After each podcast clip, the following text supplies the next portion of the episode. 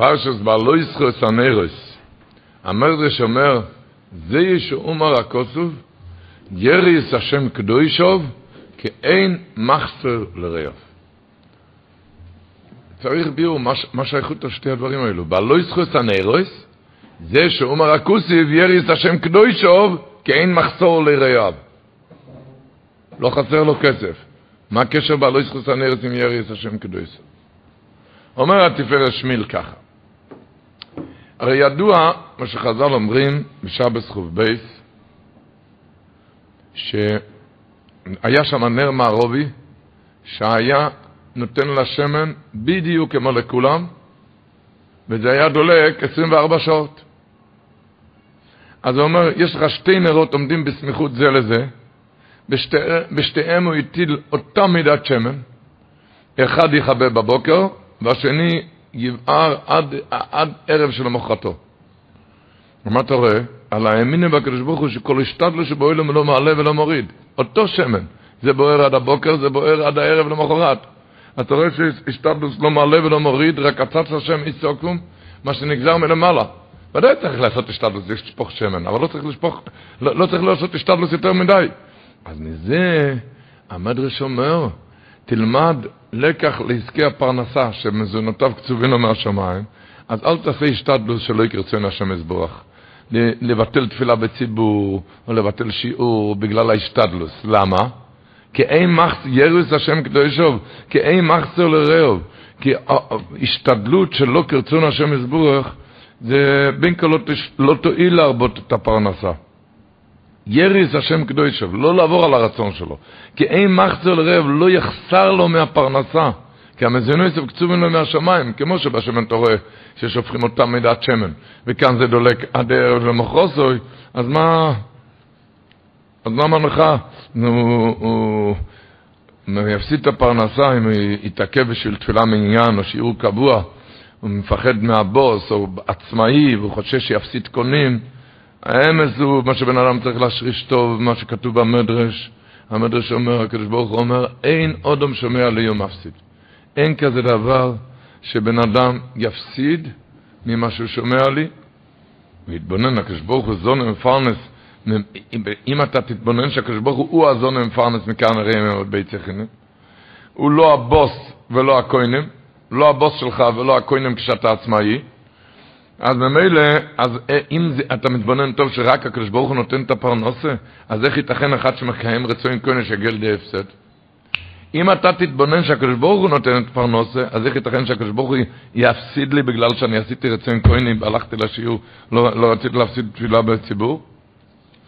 זה כשאתה תחריש את זה בראש, שהקדוש ברוך הוא עושה את הכל. לא תפסיד, ב, לא תפסיד ב, בהשתדלות מיותרת, כמו שהנוברדוקר היה אומר. אחד נוסע ברכבת, הוא ממהר מאוד, הוא ממהר, אז מה הוא הולך? הוא, הוא, הוא דוחף את הקיר של הרכבת, הקיר של הקרון, הוא דוחף אותו, דוחף אותו, שייסע יותר מהר. הוא ממהר, הוא אומר, ככה נראה השתדלות מיותרת. כי הכל קצוב מראש השונה, כל ההשתדלות, עוד טלפון ועוד ועוד ועוד, זה רק, אה, זה, זה, לא, זה, זה צחוק, נכון? כשאתה דוחף את הקיר שלה, אותו דבר צוחקים עלינו בשמיים ההשתדלות המיותרת, כי מה שנקצב מראש השונה בין כה זה יהיה, ומה שלא נקצב בין כה יצא ממך. למה להשתדל ולהפוך... ככה אומר הפני ישוע, הפני ישוע אומר על הגמורה בברוכס דף ד' הגמור אומרת, כל אוימר תהילו לדוד בכל יום שולש פעמים מבטח לוי, שיבנו עולם הבא. הוא שואל, מה המעלה תהילו לדוד שלוש פעמים ביום, למה הוא מבטח לו שיבנו עולם הבא? מה הקשר? אומר הפני ישוע כך, המזמור הזה אומר שם, אין יכול ללכו יסברו. מה זה אין יכול? ואת אומרים שלום צריך אמיתי, כל הנברואים, עיקר נראים עד בית סיכינים, כל החיות, כל הבהמות, כולם. פסיח אצלו איך הוא מסביר לכל חי רוצים. אתה רואה שכל הנבראים, מקבלים, מקבלים אוכל בלי צער ובלי יגיעה. כל, אחד, כל הנבראים. החיות, הבהמות הם, בלי צער ויגיעה. אם אתה תתבונן בזה טוב, כן? תתבונן בזה טוב, אז uh, תבין שלך גם הקדוש ברוך הוא יזמין את הפרנסה בלי יגיעה, כי אתה נזר הבריאה, בן אדם הוא נזר הבריאה. אז בוודאי הקדוש ברוך הוא ייתן לך. אז מה יהיה מזה? אשתך לשם יאהבכו, והוא יאכל כלךו, וכמו שכתוב בפסוק, הוא אומר לו, איסי צדיק נעזר וזר מבקש לוחם. מה יצא מזה, אומר פני ישוע? שבמילא יהיה אצלך מלאכתו ארעי ותרוס וקבע. תוכל ללמוד רגוע. למה? אני אעשה השתדלוס, אבל רגוע. למה? כי אני, אם אתה מתבונן שהפרנסה זה מהקדוש ברוך הוא, אז מה? אז מה אני צריך להשתדל יותר מדי? להשתדל כן, אבל למה צריך להשתדל יותר מדי? הרי אין יכול לדרך לסברו, וכל החיות והבהמות מקבלים פרנסה בלי יגיעה, אז אני ודאי אקבל גם, כמו שכתוב, אש לך לשם יאהבכו ולא ראיסי צדיק נזר בזמן מבקש לכם. מה תרוויח מזה? שיהיה מלאכת ארעי ומלאכת השמיים קבע, וממילא תזכה בין אוי למבוא. למה? כי אתה תלמד גם, זה הפירוש, אומרים אותי לא לדוד לכל יום, מובטח לא ישבים למבוא. למה ג' פה אומרים? אומר כי בתלוס זימנה וחזוק. שלוש פעמים. ולמה בכל יום? אנחנו יודעים תמיד ערב ובויקר וצהריים. אומר פני ישוע, לא, ביום, כי ביום עובדים. יצא אדם ולפעול ועבדו זה אדם, אתם עושים את העבודה. ביום, ביום אני רוצה שתשריש במוח טוב טוב, לא להתייגע יותר מדי. לא להתייגע יותר מדי. וממילא יהיה תרוס הקבע, תתפלל בציבור רגוע, לא תמהר בתפילה בשביל העבודה. והכל יהיה רגוע. הכל תעשה, אבל תעשה את זה ברוגע. ככה אומר הזויר הקודש בפרשת השבוע. כשהתוירה כותבת על המון, התורה כותבת שוטו או אום ולוקטו. בפשטות הפירוש שטו, שייט, מלושן שייט. טיול, מלושן טיול, שטו עם ולקטו, ולקטו את המון. כתוב שטו, מלושן טיול, שייט, טיול. אבל כתוב, ש... אני אקריא קודם את הפסוק ותשמעו טוב מה שכתוב בזוהר הקדוש הזה. שטו, שוטי אום ולוקטי, וטחנו ברחיים, או דחו במדוכה, ובישלו בפרור, והיה תמור כטעם לשד השומן. אומר זוהר הקודש. רבי שמעון אומר שוטו זה שטות, מלשון שוטה. שטוסו אבנס ולגרמי, הם לקחו איזה שטות לעצמם. מה? וקין דלו אב ובני מנוסו, בגלל שלא היה להם אמונה. מה הפירוש? הוא אומר, בני ישראל שבאוי זה הדור, היה שם, היה שם אנשים שהם בחרו ללכת בדרכי שטות. מה שטות? שלקטו, טחנו, דחו במדוכה ובישלו. זה היה בגלל שלא היה להם אמונה, כי אם היו באמונה זה היה מגיע לפה מתוקם וראוי למאכל בלי, ללקט, בלי לדוך, בלי לבשל. לא היה צריך לטחון ולא לדוך. זה שטו, זה שטות.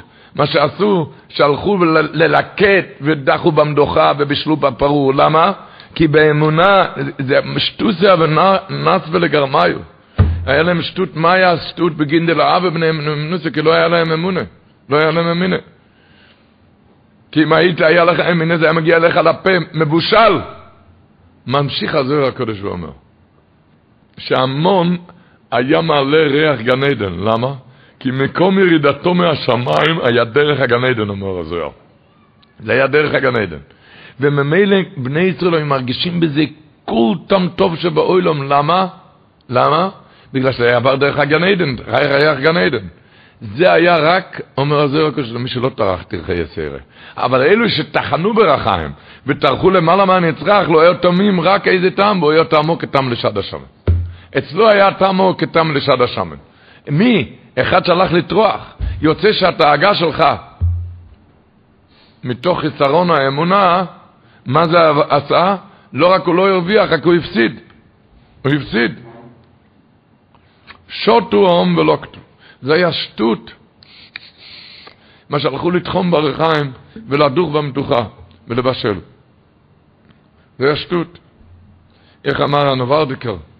אני כתוב ואמר שהעולם הזה זה דומה לאחסן גנוהם, מלון טוב, שאחד שיושב בשלווה בחדר שלו, אז השמשים, המלצרים, השמשים של המלון, יביאו לו הכל מוכן. הכל מוכן. איך נראה לך, אומר, אחד שממהר למטבח, והוא לוקח את המנה, הוא, הוא עוזר שם לקחת את המנה. מה העונש שלו? שהוא צריך לבד לטפל בזה. במקום שאחרים יעשו לך את זה ותשב כמו מלך, מה העונש שלו שהוא בעצמו מטפל בזה. הוא אומר אותו דבר, בן אדם שיש לו אמונה בתוך, הכל יגיע אליך הביתה. מה העונש של אחד שעושה משתדלות יתרה, שהוא צריך לטרוח בזה. שהוא צריך להשתלל. עוד פעם, השתדלות צריך, אבל לא נספיק, אל תגזור עליך השתדלות יתרה. אתה יכול לשבת כמו במלון, השתדלות, השתדלות רגועה, וככה תוכל לדמוד ולהתפלל. לא, לא השתדלות של טרף, ש, כמו שכותב רבינו ידעיה הפניני, מאמר ידוע, שאילו היה אחד בורח מטרפו, אחד יבורח מהכסף, טרפו זה הכסף, טרף. אחד שבורח מהכסף כבורח מן המוות. טרפו רודף אחריו יותר ממנו וממהר להשיגו. שומעים לשון? אפילו אם בן אדם יברח מטרפו כבורח מן המוות, עושה פעולות הפוכות. אין, מה שכתוב מהשמיים מראש השונה ירדוף אחריך וימהר להשיגו. עוד פעם, ודאי שצריך לעשות השתדלות, אבל אחד כל כך שבוע, אוי, אני צריך עוד טלפון ועוד ועוד. או שזה השתדלות שזה קצת לא... השתדלות יתרה, כמו שאומרים, ש... אחד שעושה השתדלות יתרה, זה כמו שאחד נמצא בביצה תובענית, ביצה תובענית, שמדרך הטבע הבוץ הזה רך עד מאוד, וכל אשר ייפול לתוכה יישקע ויטבע בה בתוכו לא, לא עלינו. נו, מה עושה בן אדם שמוצא את עצמו בתוך כזה בור אחד שיש לו שכל?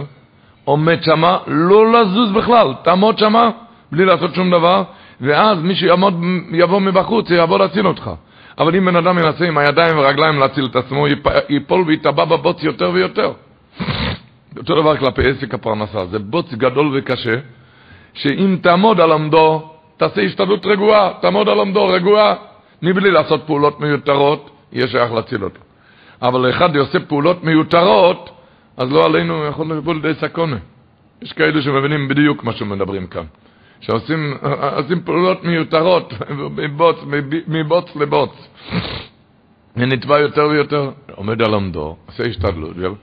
אומרים שאחד שנכנס לים, אחד שלא יודע לש, לשוט, לשחות, אחד שלא יודע לשחות. הוא לא למד לשוט במים, אז אם הוא יפעל ידיו, אם הוא יעבוד עם הידיים והרגליים, הוא מיד ישקע כל הגוף בעמקי הים. אבל כשמת נופל למים, איפה מת? הוא צף למעלה. למה? כי הוא לא עושה שום דבר. אותו דבר, אז יוצא שדווקא תנועת ידיים ורגליים של האדם, כשהוא נלחם עם גלי הים, זה גורם לו לשקוע יותר ויותר. אותו דבר, המת שלא עושה שום דבר, הוא לא שוקע, אלא צף ועולה. אותו דבר בפרנסה. אחד שמשתדל יותר מדי לפרנסה, אחד שמשתלל רק כפי הצורך, כמו אותו המת, לא יכול להניע שום עבר אחד מעצמו, אז הוא יצוק ממעל. אבל אחד, שמת, אחד שמתעקש, שעושה פעולות שונות יותר מכדו צורכו, מסוכן ליפול במצולות ים, או לא עלינו.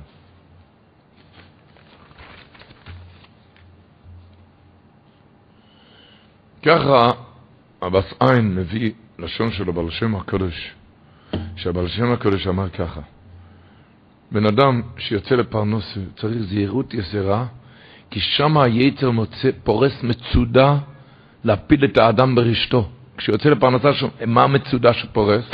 מה? שהבן אדם ידמיין לעצמו שכויכו ואויצם יודו, שהוא עשה את זה. וממילא הוא נופל מדרגה לדרגה ואוויר גורר סביר. כאן הוא מבטל שיעור תורה, כאן הוא מבטל תפילה בציבור, כי הוא חושב שהוא עושה את זה. ברגע שהוא יודע שהקדוש ברוך הוא עושה את זה, אז הוא כבר לא, הוא רגוע, הוא לא, יבט, הוא לא יפחד, לא ירוץ לדין תוירס מיום ועד הלילה, והוא לא, לא, לא יבטל שיעורי תורה, הוא יודע, הקדוש ברוך הוא זמן מפרנס, מה שכתוב בראש השנה יבוא בין כה, הוא רגוע. אז הוא אומר, מצודו מביא מהבעל שם טוב הקדוש כך, שמצודו פרוסו על כל החיים, פרוסו זה פרנוסה, פרס, אכילס פרס, פרס זה נקרא לחם בגימורה, לחם ופרנסה. הוא אומר, מצודת היצר הוא על הפרוסה, על הפרנסה. ותדע שזה על כל החיים, הוא לא מוציא אף אחד מהכלל, על כל אחד. מגדול ועד קטן. המצודת היצר זה על, הפר, על הפרוסה, מצודה פרוסה. מצודת היצר על הפרנסה, אין מי שנמלט ממצודה זו, אלא זה על כל החיים. כל בני אנוש מתנסים בניסיון זה של רדיפת הפרנסה. המצודה, שהיצר פורס מצודה, על מה הוא פורס? על ידי מה המצודה שלו? פרוסה על ידי הפרנסה. על הפרנסה, מצודת היצר זה על ידי הפרוסה, על ידי הפרנסה, וזה על כל החיים, אין בן אדם שנשמט מה, מהיצר הזה. שהוא... אבל כשבן אדם נמשיך לדעת, כמו שאני יהודי כותב באורח סימן י', שלמה אומרים אין כאלוקינו לפני קטורס, כל, כל יום לפני פתאום הקטורס אין כאלוקינו. למה? כי קטורס מאשרס, שלא תדמיין שזה כוח ובעצם יהודי, אומרים הדבר הראשון אין כאלוקינו. אפילו אם עשית איזה ביזנס טוב והצלחת, תזכור אין כאלוקינו, שהכל בא מהקדוש ברוך הוא. נראה ביהודה, בסימן י'. או כמו שהעיון ינקב אומר בשבת זין זין, אומר העיון ינקב, שהגמר אומרת תונו רבנו. לא, לדעת ש... רגוע, השתדלות רגועה. סיפרנו, היה גבאי של אדמו"ר מסטמר, זיכרונו לברכה, היה רבי יוסל אשכנזי, ידוע ומפורסם, הוא היה יהודי פיקח, לא דיבר הרבה. לא דיבר הרבה. כשהוא הוציא את הספר הראשון של אדמו"ר מסטמר, אז הוא היה צריך כסף, לפני 70 שנה, היה צריך כסף. אז הוא עלה לאיזה עשיר, הוא קיבל, ממנו, הוא קיבל להוציא ממנו 500 דולר. אז שאל אותו העשיר, תגיד לי, כמה אתה רוצה ממני? הוא לא דיבר הרבה, תמיד הוא לא היה באמת בדיבור. הוא הראה לו היה, על היד, חמשה. אז הראה לו חמש אצבעות. הוא לא דיבר, הוא לא דיבר הרבה. הראה לו רק עם היד, חמש, חמש. היד זה חמש אצבעות, הראה לו את היד. שואל אותו העשיר, חמש אלף דולר? שלוש אלף דולר, לא יספיק לך? אז אמר לו, נו, אתה יודע מה, שיהיה שלוש אלף דולר. אז אמר שהרוויח כאן 2,500 דולר בגלל שלא דיבר. לא עשה השתדלות מרובה, הסתפק עם היד. הסתפק עם היד, לא עשה השתדלות יתרה. אחד אומר, 500 דולר. הסתפק, ככה בהשתדלות קלה. השתדלות קלה. אומר האם ינקב בשבס דף ע"ז, הגמור אומר, תונו רבונון, שלוישו, כל זמן שמזקינים, מוסיפים גבורו. שלוש, שכל מתי שהם יותר זקנים, הם מוסיפים גבורה. אלו הן, דג, נחש וחזיר. מה שיותר מזקינים, יותר גיבורים. שואל העיון ינקב, מה חז"ל רוצים כאן ללמד את הידיעה החשובה, שדג, נחש וחזיר, הם, הם יותר מוסיפים גבורה? מה חידוש כאן? איי איי איי, הוא אומר, זה חידוש בשבילנו. הוא אומר שהם בכל הבעלי חיים שאוכלים מחלים שפלים ונפסדים כמו המאכלים של שלוש האלו. דג מה הוא שותה? מים. מים, דבר זול, גורניש. נחש מה הוא אוכל? עפר. חזיר מה הוא? נובר בהשפעה. אז אין בכל הבעלי חיים אחד שהוא מוכל מאכלים שפלים ונפסדים כמו אלו, אבל מדרך הטבע הם היו צריכים להיות חלושים בטבעם. איך אומרים? תזונה אין להם את התזונה הבריאה. איך? זה תת-תזונה. לא, תת-תזונה זה, הם, הם מחלים שפלים אחי, אז בדרך הטבע הם היו צריכים להיות חלושים בטבעם. ודווקא הם מוסיפים בגבורה בזקנותם יותר משאר החיות. אומר ינקל זה ללמד אותנו שלא יעלה לחם לבד או יחיה אודום, כי על כל מועצה פי השם יחיה אודום, ועצת השם יסוקם. זה פשיטה שבן אדם צריך לשמור על בריאות הגוף, וצריך אה, לא לאכול חס וחלילה דברים, אה, לא באתי כאן להגיד לציבור שיאכלו עפר וישתו מים, אבל ללמד מכאן שהשתדלות, השתדלות אמיתית, השתדלות אמיתית זה בתפילה רפאנו, ראינו בהורגנו, בתוירו, במעשים טויבים, צדוקת אצל ממובס, לדעת את ההשתדלות האמיתית, ודאי שצריכים להשתדל גם אבל לדעת את כל דבר. הקדוש ברוך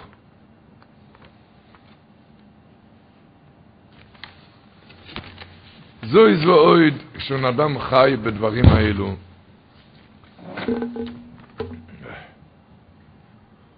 הוא חי עם הקדוש ברוך הוא. כמו שכותב השלוע הקודש בפרשת השבוע, על פי השם ייצו ועל פי השם יחנו. על פי השם יחנו ועל פי השם ייצו. אומר השלוע הקודש, יש רמז מוסר בכאן. מה זה על פי השם יחנו, על פי השם יישאו? מה הרמז? הוא אומר, יש רמז מוסר בכאן על כל פעולה או תנועה שהאדם עושה, יאמר אם ירצה השם או בעזרת השם. שיגיד את המילים האלו, או אם ירצה השם או בעזרת השם. למשל הוא אומר, בלכתו בדרך, הולך בדרך, יאמר, יאמר הנני נוסע בעזרת השם יסבורך. ובדעתי לחנות במקום פלוני בעזרתו יתברך אם ירצה. וכשבא למקום החנייה, או, או, אז יחזור וייתן שבח ויאמר, הנה בעזרת השם יתברך באתי הנה. ובדעתי לנסוע לנסוע לזמן פלוני, בעזרתו יתברך אם ירצה. נמצא, אומר השלו הקודש, מה אתה מרוויח? נמצא שם שמיים שגור בפיו בשעה שעולה במחשבתו ובשעת מעשה ככה בכל פעולותיו. כל דבר להגיד עם שם שמיים, עם שם שמיים. החפץ חיים סיפר על הגאון הקדוש של מורדכי בנט, שבאמצע השיעור הוא היה ככה עם ה... התלמידים היו רואים איך שעושה צור, צורת אותיות באוויר, ככה עם האצבע כאילו כותב מילים, כאילו צורת אותיות. ולא ידעו מה זה. באמצע השיעור, כשהיה ריתחי דאורייסה, קושיות היה, התווכחו שם בלימוד. הוא היה מצייר עם האצבע ככה צורת אותיות, עד ששמו לב, התבוננו טוב, ו- ושמו לב שמה הוא, הוא כתב? אשרי איש שלא ישכחכו, אבן אודום ישם אצבוך. אשרי איש שלא ישכחך, היה ויכוח, ויכוחים אדירים בתורה, ויכוחים, אשרי איש לא ישכחכו, לזכור רק מה אבן אודום ישם אצבוך. אנחנו יכולים לא רק עם האצבע באוויר, יכולים לרשום את זה, ולא רק בתורה, רק בוויכוחים אחרים גם. לזכור אשרי שלא ישכחך כבנות ומסם אצבוך. וממילא, אם תדע ותחיה בזה, אז כל החיים נראה אחרת.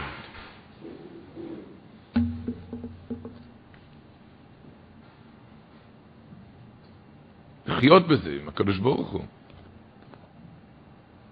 יש, הסיפור הזה מובא באויצר המדרושם. אויצר המדרושם. החידו מביא את זה באחד רבותים, זה מובא באויצר המדרושם. סיפור ככה, מעשה באדם עשיר שהיה נדיב לב ובעל צדקה, אך ליבו לא היה שלם באמונה בהשגחה פרטית. בזה הוא לא היה שלם. בעל צדקה, אבל לא היה שלם ליבו באמונה בהשגחה פרטית. בלבבו סבר תמיד כי את כל עושרו רכש בכוחו ועצם ידו. ככה הוא חשב. פעם יצא ליום השוק בשביל לקנות שברים, לקנות שברים. בדרך פגע בו ליואנובי, נראה לו כסוחר, התחפש כמו סוחר, וליואנובי שואל אותו, לכאן אתה הולך? אמר לו, אני הולך לשוק לקנות שברים. אמר לו ליהו, אמור אם ירצה השם, או אם יגזור השם יתברך, תגיד אם ירצה השם. אמ, אמר לו הסוחר, הרי עמוד, הכסף בכיס שלי, הדבר תלוי רק ברצוני. ענה לו אליהו, הנובי, אם אתה אומר כך, אתה לא תצליח. אם אתה אומר כך, לא תצליח. כשהוא המשיך הסוחר בדרך, נפל הכיס כסף מהמתחתו, והוא לא הרגיש אפילו בזה. אליהו הנובי ראה את הכיס, איך שזה נפל, אליהו הנובי הלך ולקח את הכיס הזה, והוא שם את זה הוא שם את זה על סלע בלב יער, באמצע היער, במקום שאין בני אדם שם. הוא שם שם, הסוחר הגיע לשוק, אחר הגיעה גדולה, הוא מצא שברים מובחרים, הוא רצה לשלם, הוא רואה, הכסף לא נמצא, הכסף נאבד. חזר הביתה בפחי נפש. ש... עבר תקופה. לקח עוד הפעם כסף ויצא מהבית לשוק לקנות שברים. הפעם בא אליונובי בדמות זקן, פעם ראשונה בדמות סוחר, עכשיו בדמות זקן. תחפש כמו זקן, שאל אותו עוד פעם, כמו פעם הקודמת, איפה אתה הולך? אמר לו, אני הולך לשוק לקנות שברים, ואמר לו, תגיד אם ירצה השם? לא, זה תלוי רק בכסף שלי, יש לי כאן כסף, ככה הוא לא...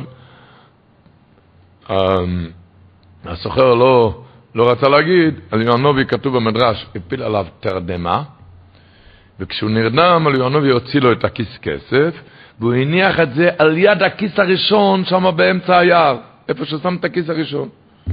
כשהסוחר התעורר מהשינה, הוא ראה שהכסף נגנב, הוא חזר הביתה מיד בצער רב, התבונן בשתי המקרים, והוא הבין מיד שבוודאי יד השם בדבר והעונש, והגיע לו בגלל שהוא לא שמע לליאנובי להאמין בהשגחת הבורא, מיד הוא קיבל על עצמו שמהיום ואילך אני אומר על כל דבר, אם ירצה השם.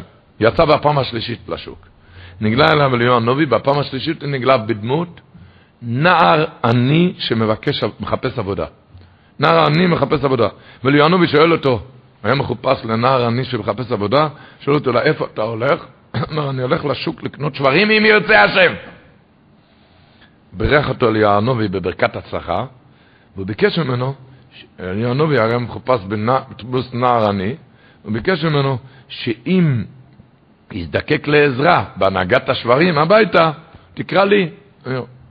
אמר לו הסוחר, אם יעזור לי השם יתברך, שאקנה שברים, אזכור אותך לעזור לי. הצליח הסוחר בדרכו ומצא שברים מובחרים בזול, בזול. אמר אם ירצה השם, מצא שברים מובחרים בזול. ושכר את הנער הזה, אליהו הוא לא ידע שזה הנביא, ושכר את הנער הזה להנהיגם, הוא לא ידע שזה הנביא. בדרכם הביתה ברחו פתאום השברים איפה לתוך היער, והסוחר רדף אחריהם עד שהם נעצרו על יד הסלע ששם היה מונח שתי הגיסים שעבדו לו בעבר. שמח הסוחר והודה לשם, והמשיך בדרכו עם הנער והשברים ועם שתי, עם שלוש, עם שתי הכיסים של הכסף גם. וכשהגיע הביתה, פתאום נעלם הנער. ואז הבין הסויכר שיד ההשגחה העליונה כאן בכל השיר הלאה. נו, אז רבותיי, שלא יצטרכו לגנוב כאן כספים, ושלא יצטרכו להעלים, כי ליונובי לא מגיע לכל אחד. אז, אבל תבין, שה, שה, להגיד אם ירצה השם, ולא להגיד, מה שאצלה הקדוש אומר, על פי השם, להגיד על פי השם יחנו. לא להגיד בפה, רק לחיות בזה. שהכל זה רק אם יגזור השם יתברך, אם ירצה השם. אז מה יש לך לברוח באמצע התפילה? הרי אם ירצה השם, הקדוש ברוך הוא רוצה שתברח באמצע התפילה? הקדוש ברוך הוא רוצה שתפסיד שיעור תורה? הקדוש ברוך הוא רוצה שתלך לדין תורה? ותמונת השם יביט, כתוב בפרשת השבוע. הרב שמחה היה אומר, וסמונס השם יביד. בכל דבר תראה תמונה, תראה שהקדוש ברוך הוא כאן. וסמונה, בכל עניין, עניין מענייני העולם תראה את השם שהוא עשה ועושה ויעשה לכל המעשים. ואל תהיה מאלו ששתו העם ולקטו, שחיים בשטות. ופרשת השבוע בהמשך, כתוב, ויהי העם כמסעוננים, רע באוזני השם. וישמע השם, ויהי חרא פה. מה כתוב? מה אומר רש"י? מה היה מסעוננים? מה, היה, מה קרה כאן? אמרו, כלל ישראל התחילו לבכות, אוי לנו, כמה לבטנו בדרך הזה שלושה ימים, שלא נהנו מעינוי הדרך. עינוי הדרך, בכו על השלושים, השלוש ימים האלו. בכו! כמה לבטנו בדרך הזה שלושה ימים. ועל זה וייחר השם. מה פירוש וייחר השם? ממשיך רש"י ואומר, מה זה וייחר השם? אני הייתי מתכוון לטובתכם, שתיכנסו לארץ מיד. הוא אומר, החידוש הערים יסוד גדול שרבותיי צריכים להכניס את זה טוב לראש. הוא אומר ככה, חז"ל אומרים שבברוכס דף ה' שארץ ישראל לא ניתנה אלא בייסורים. בייסורים.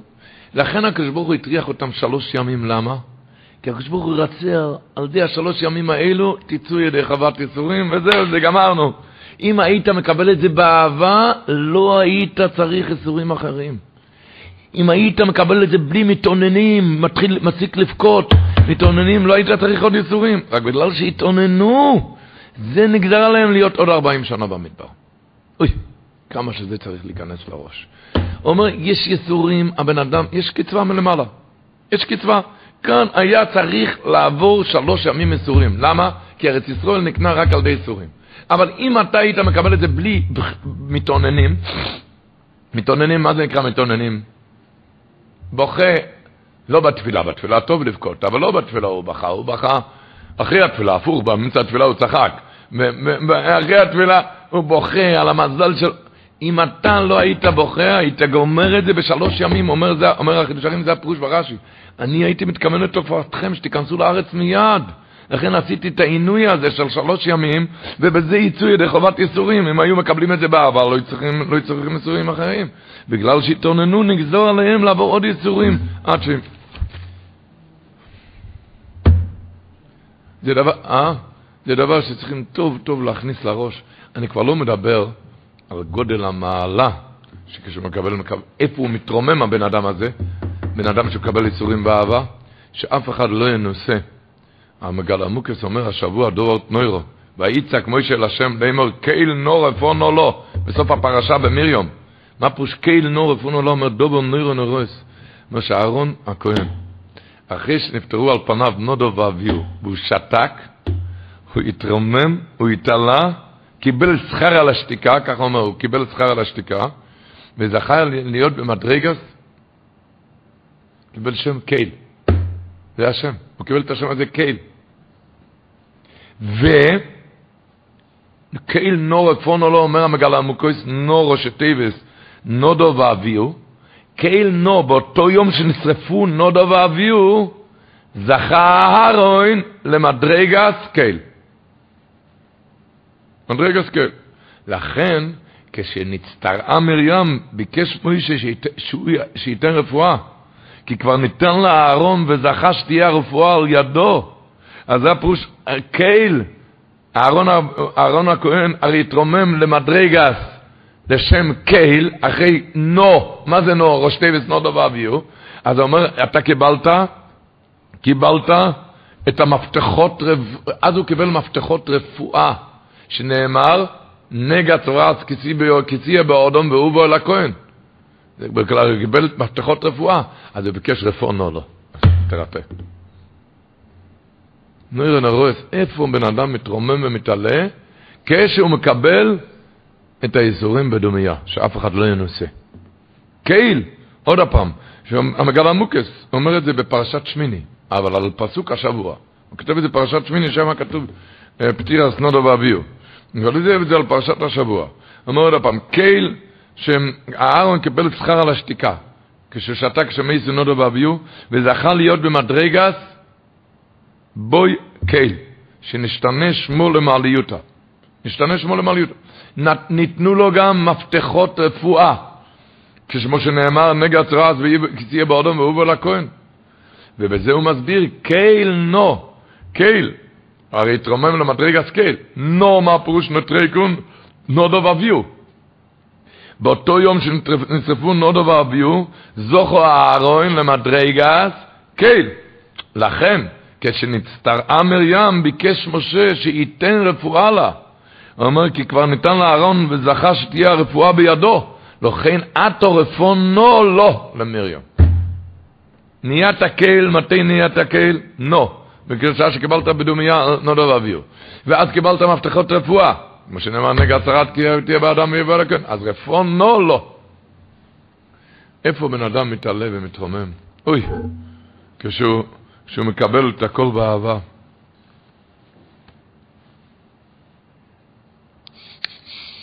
רק יש כזה דבר, אומרים פרשת השבוע, היה בעניין המתאוננים, מה הם בכו שם? זכרנו את הדגה שנאכל במצרים חינם, את הקישואים, הבטיחים, החציר, הבצלים, השומים. ועתו נפשנו יבשה, אין קול, בלתי אל המון עינינו. במצרים היה לנו, מה היה לנו? קישואים, הבטיחים, חציר, בצלים, שומים. ואתה עכשיו רק מון. אז שואלים, מה הבעיה? הרי במון, מה שחשבת טעמת, תחשוב על דגים, יהיה לך דגים, תחשוב, תחשוב על דגים, יהיה לך דגים. מה אתה בוכה? מה אתה בוכה? מה התשובה? אני אומר, יותר קל לבכות מאשר לחשוב.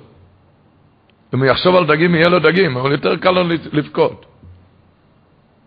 כזה תאווה לבכות, זה מתאוננים, לא עלינו. וזה מביא רחמנא ליצלן. תחשוב קצת, תחשוב, תתחיל לחשוב, ואז תתעלה. אה? אם היית חושב, לא היית מגיע לדגים, חציר בצדים משומים. לא, לבכות יותר קל.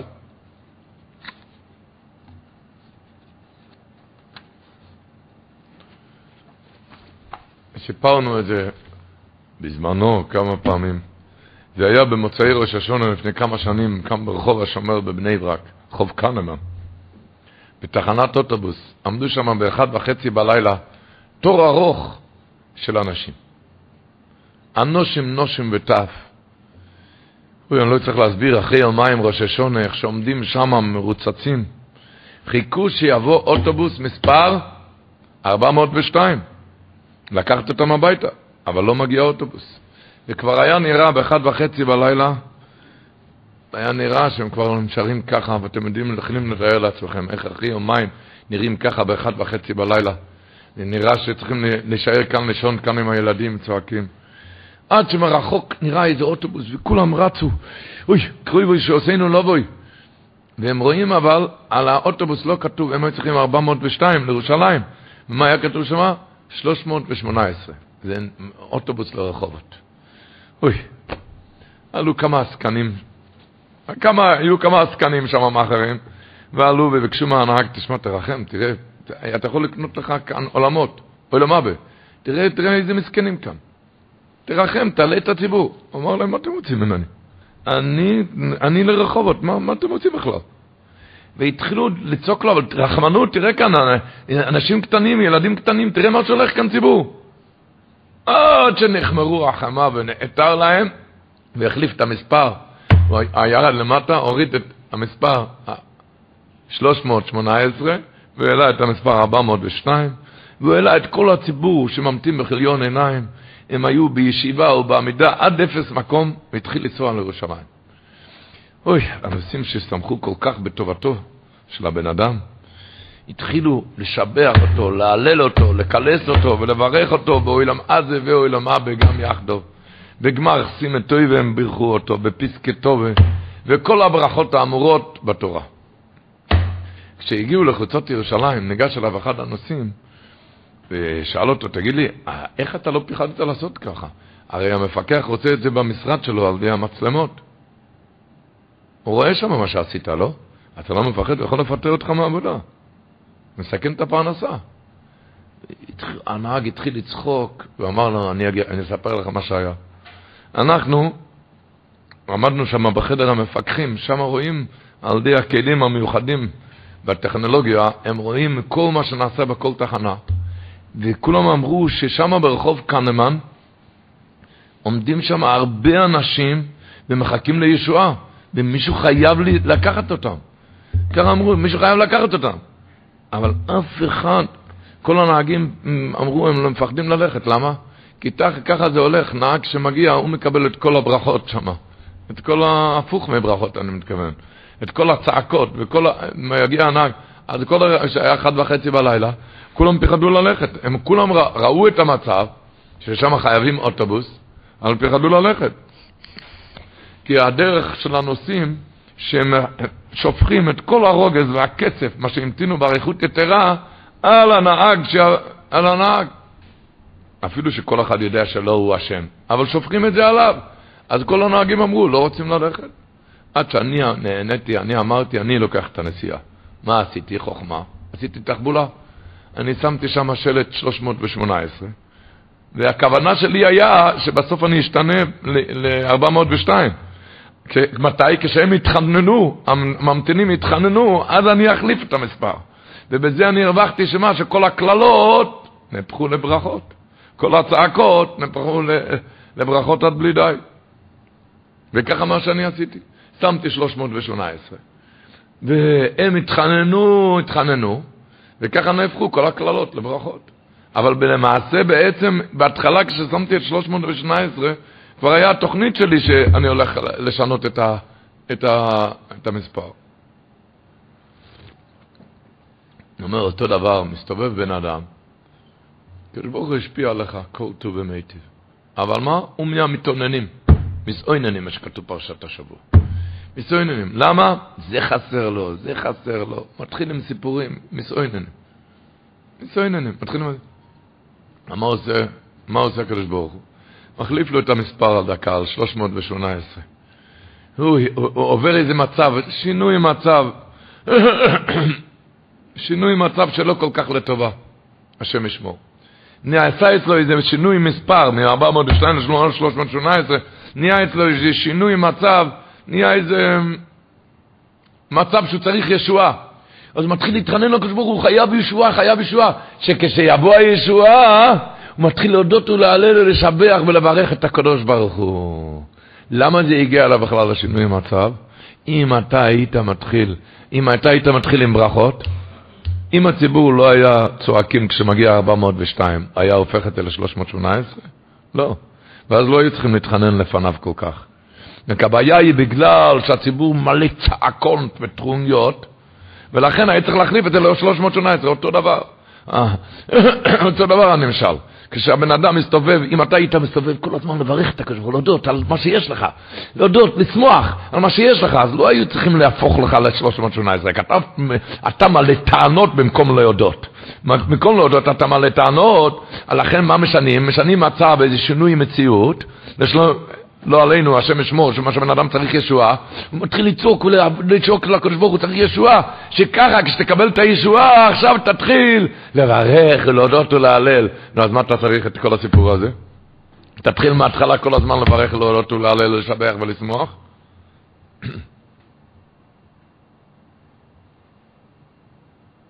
כי מתחילה נשלח לך אוטובוס 402, זה לא היה שינוי מצב. מההתחלה זה היה נשלח 400. מיודו של הגויים לחסורים טובים לעם ישראל.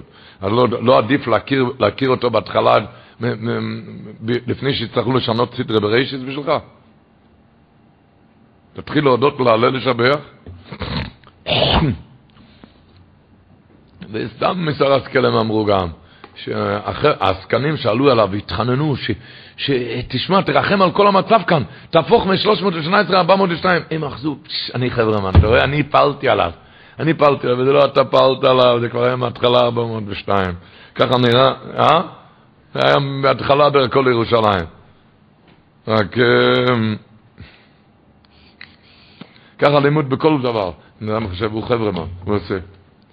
רק כשבן אדם יודע בהתחלה, מסביר הספסמס, זה המשל, עכשיו תבינו את הוורט. שהאמרמס אומר ככה. כתוב השבוע, ויהי בן סויה אורן ביום המוישה, כתוב, ונוסו מסנכו מפונכו.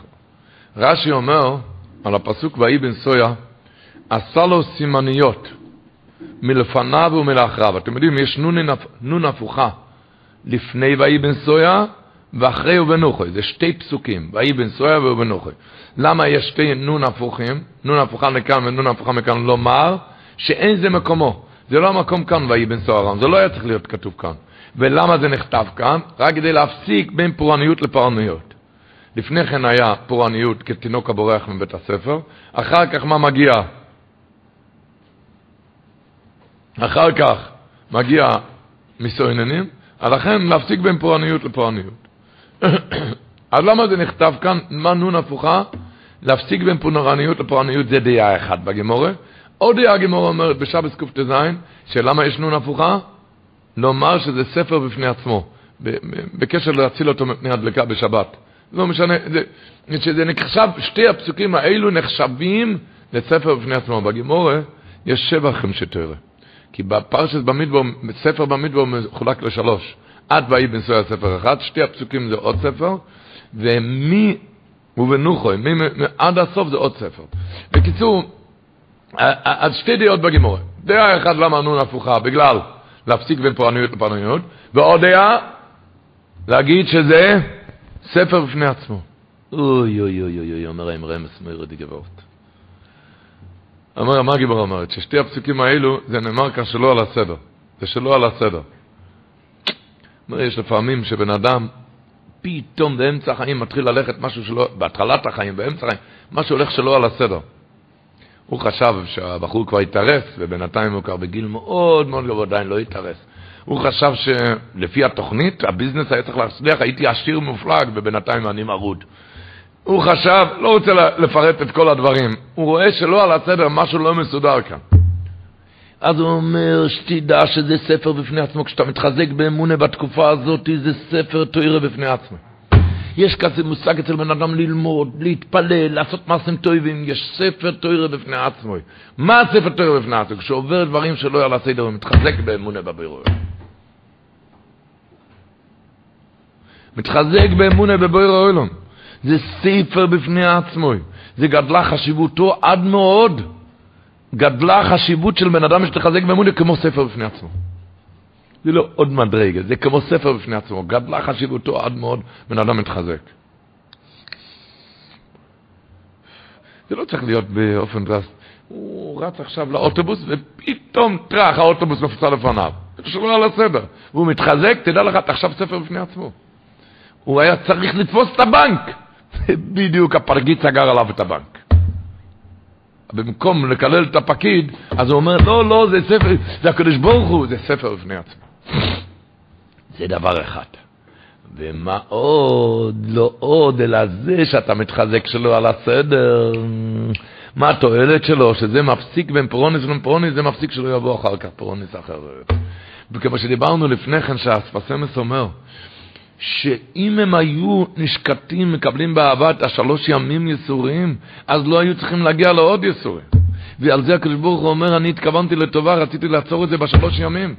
אז הוא אומר, מה התועלת ששלא על הסדר? כשמתנהל אצל בן אדם משהו שלא על הסדר, דבר אחד גדלה, אם אתה מתחזק באמונה, באמונה גדלה חשיבותו עד שאתה נחשב לספר בפני עצמו. ולא עוד, אלא זה מה שמפסיק בין פורעניות לפורעניות, שלא יבואו דברים יותר גרועים. אוי, כמה זה צריך להיכנס לשד העצומס. שזה, הוא מחפש כל הסגולות, והוא לא יודע את הסגולה מה שנמצא אצלו. תשמח, תקבל את זה באבא ובשמחה, וזה יפסיק את הפרוניס. זה יפסיק את הפרוניס שלא יבוא. ככה מסביר הרמב"ם, פרשת השבוע, את המתאוננים. מה זה מסויננים? מה המילה מסויננים? אומר הרמב"ן ככה, שהאבן עזרא אומר, קודם האבן עזרא אומר, שמתאוננים מלשון אובן, דיברו דברי אובן, דברי אבן. הרמב"ן דוחה את הפירוש הזה. הוא אומר כי אם זה הפשו, הפירוש, אז התורה הייתה צריכה להגיד מה הם דיברו. אם התורה לא אומרת מה הם דיברו, אז זה סימן שזה לא זה. אלא מה פירוש מתאוננים? לא דברי מתאוננים, אומר הרמב"ן, זה לשון בכייה וטענות. בוכים וטענות. מתאוננים מלשון מה יתאונן אדם חי גבר על חטאיו. שלשון הוא אומר כואב ומצטער על עצמו, מתחיל לכאוב ומצטער. שמאחר, אומר הרמב"ם, שהתרחקו ישראל ממדבר סיני, שהיה קרוב למקום יישוב, ארץ מדבר סיני עדיין היה קרוב למקום יישוב, ואחר כך נכנסו לתוך המדבור, באו בתוך המדבור הגודל והנוירות, במסע הראשון, היה, ויהי בסוהרון, אחרי המסע הראשון, היו מצטערים בעצמם, לאמור, מה נעשה? איך נחיה במדבר הזה? מה נאכל? מה נשתה? ואיך נסבול העמל והעינוי? מתי נצא ממנו? ונמצא שזה פרט תורה. מה היה חטאם? וזה היה רע בעיני השם. מה היה רע בעיני השם? למה אתה בוכה? שהיה להם ללכת אחריו בשמחו ובטוב לבוב מרוב כל טוב אשר נתן להם. אתם שומעים? הבכיות זה החטא הכי גדול. מה, מה כתוב כאן ברמב"ם? נוירו נרויס. הבכיות זה החטא, לא צריך לפרש מה. המיסיון זה הבכיות, הבכיות והטענות זה החטא הכי גדול. וזה היה רע בעיני השם, אפילו שזה לא היה קל, נכנסים לתוך מדבר, באמת לא יודעים מה יהיה האוכל, מה... אבל אתה רואה הקדוש ברוך הוא איתך, מה אתה בוכה? אתה רואה הקדוש ברוך הוא איתך כאן.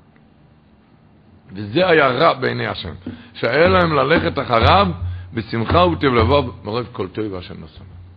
כמה עלינו ללמוד רבותיי, אוי, אוי, כמה עלינו ללמוד מהדברים האלו, לא לבכות יותר מדי, אה? שלא יצטרכו לשנות את המספרים, 402, 318, תשאיר את המספרים. אם לא היה מסעוננים, היה מפסיק בין פירוניס לפרוניס, היה מפסיק. לא היה, לא היה ממשיך פרוניס. לא היה ממשיך. אז אל, אל תעשה שיצטרכו להחליף אצלך מספרים. תשמח ותבכה בתפילה, שם תדע. אבל אחרי התפילה מיד תדע שזה הקדוש ברוך הוא, וכשהולך לך באמת קשה.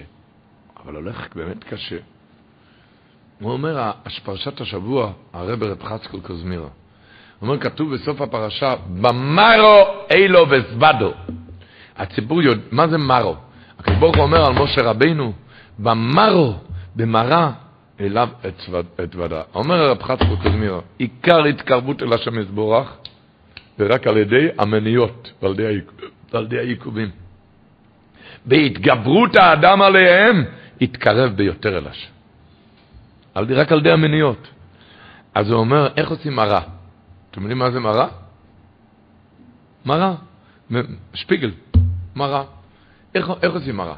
לוקחים זכוכית שהיא זכה וברא, אפשר לראות דרכה את כל הנעשה לפניו, על ידי הזכוכית אפשר לראות הכל, ושמים שמה חתיכת כסף צרוף, כסף, חתיכת כסף, ועל ידי זה הזכוכית נהפך למראה. זאת אומרת ככה, עד עכשיו, עד ששמת את הכסף הצרוף, היית יכול לראות דרך הזכוכית הכל. שמת שם דבר חוסם, את הכסף, ורק על ידי זה זה נהיה מראה. אומר הקדוש ברוך הוא במראה, כשיש לך דבר חוסם, שאתה לא רואה אותי, תקופה קשה, שמה אליו אתוודה. במניות ועיכובים, שמה, שמה, במראה החוסם, בזכות הקושי וההסתרה, כשהוא מרגיש שהכל סתום וחסום לפניו, שמה מתראה אליו הקדוש ברוך הוא. במראה אליו אתוודה. כמו שהמראה על ידי הדבר החוסם זה נהיה מראה, על ידי הכסף זה נראה מראה, נהיה מראה. אותו דבר כשעובר מניעות, עיכובים, יצר הרע משתולל בקרבו, שמה אליו אתוודה. בדבר החוסם, שמה אליו אתוודה. יצר הרע משתולל אצלו. ככה מסביר החידוש הערים, קושייה עצומה בפרשת השבוע. הפרשת השבוע בעלותך את הנרות, מדברים על הדלקת הנרות, לא על פעולת המנורה, לא על עשיית המנורה. אז איך פתאום קוראים בזה, בעלות חי את הנרוס, אל מול פני המנורו יאירו שבעת הנרות. פתאום נכנסת בזה, מה זה המנורו מיקשו זוב, מיקשו תסו איסו, עד ערכו עד פרחו מיקשו יי. איך נכנסת כאן את עשיית המנורה? מה הכנסת כאן מיקשו? מי מדבר מעשיית המנורה? כמה מדבר מהדלקת המנורה. איי איי איי אומר החידוש הערים, לא, מדברים כאן מהדלקת הנרות. אבל תדע, האור של הנרות זה רק מעשה מקשה, כשהולך קשה, זה מאיר את הנרות. הקשיים, הוא אומר, התוירה מגלה איך היה הערת המנורה. דייקה מזה שנזכר שם מוישה במעשה המנורה. וזה מעשה המנורה מיקשו. מזה עצמו נעשה האור היותר גדול של המנורה. והוא מסיים החידוש הרים. וכן בכל עניין שאדם מייגע את עצמו, לפי היגיעה יתרבה האור. כמו שאומרו הז"ל, יוגתו ומוצוס אותם. מישהו ניגש פעם לרב חצקל אברמסקי לבקש ממנו הסכמה על הספר שהוא חידש חידושים מסוגיות הש"ס. רב חצקל עבר על זה, והוא שאל אותו על איזה סימן באמצע, איפה הוא כתב את זה, את הסימן הזה. אוי, הוא התנצל, כבוד הרב, רק את הסימן הזה המיוחד, סליחה, זה לא יצא לי, זה פשוט, אני כתבתי את זה, הייתי עם בן בבית חולים. הייתי עם בן בבית חולים ולא יכולתי ללמוד כל כך באיום כאילו כשהראש והראש ורובה שקועים לכן זה לא כמו, לא מחובר כל צורכו אמר לו רב חצקל הפוך, אני שאלתי אותך כי ראיתי שהסימן הזה זה עמקוס נוירו פי כמה וכמה יותר מכל השאר העניינים ותמדתי לפשר הדבר, מה הפירוש בזה? אבל עכשיו הכל מיושב. אם אתה למדת את זה בתוך קושי כזה גדול, לכן היה, לכן היה כזה אור המנורה, כשזה מגיע מקשה. וזה בכל הדברים, רבותיי. איי איי איי, בכל הקשיים שיהודי עובר, היה בחור בישיבת כל תורה אצל הרב שלמה זלמן אוירבך. בחור שעבר קצת רפיון בתורה ועבודה, ובכל העניינים, והוא בא עד שערי משבר לא עלינו. ולא ידע להשית עצות בנפשו, הוא היה מאוד שבור. בצר לו, הוא פנה לראשי ורב שלמה זלמן אוירבך. אז הוא בכה לבחור, הבחור בכה לרב שלמה זלמן, אמר לרב שלמה זלמן, האם ראית פעם חייט בעבודתו? מה, ראית איך שהוא תופר בגד? לוקח בד נאה ומהודר, לוקח חתית אחת בד יקרה, לוקח סכין ומספריים, חותך את הבד לגזרי גזרים, לחתיכות קטנות עם גדולות, ישרות עם, עמוק, עם עקומות, ואחד שעומד מהצד חושב שהוא לא חייט, אלא משחית בדים, שאין לו שיג ושיח בתפירת בגדים. תראה מה אתה עושה כאן, בדנאי ממודר, למה אתה חותך אותו? למה? למה? אומר לו החייט, תמתין קצת סבלנות. פתאום הוא רואה, יש בית יד, שרוול, שרוול, פתאום שרוול, אחר כך הוא רואה בית צוואר, צווארון, עד שהוא יראה לנגד עיניו בגד שלם נאה ומהודר. שואל רב שלמה זלמן אויר את הבחור, תגיד לי בחור, האם החייט היה יכול לעשות בגד שלם מבלי לחתוך את הבגד מקודם, מבלי לחתוך את הבד לגזרי גזרים? פשיטה שלא. אז תדע, הוא אמר לו גם, שבגד הזה שנקרא אודום גודויל, לא יכול להיבנות רק על ידי נפילות וחתיכות לשברי, לשברי שברים. ומשם הדרך לעלות ולהתעלות מעלה-מעלה. וזה מעשה המנורים. אז כל בחור כשעובר מניות, נפילות, אל תיבהל, אתה לדרך.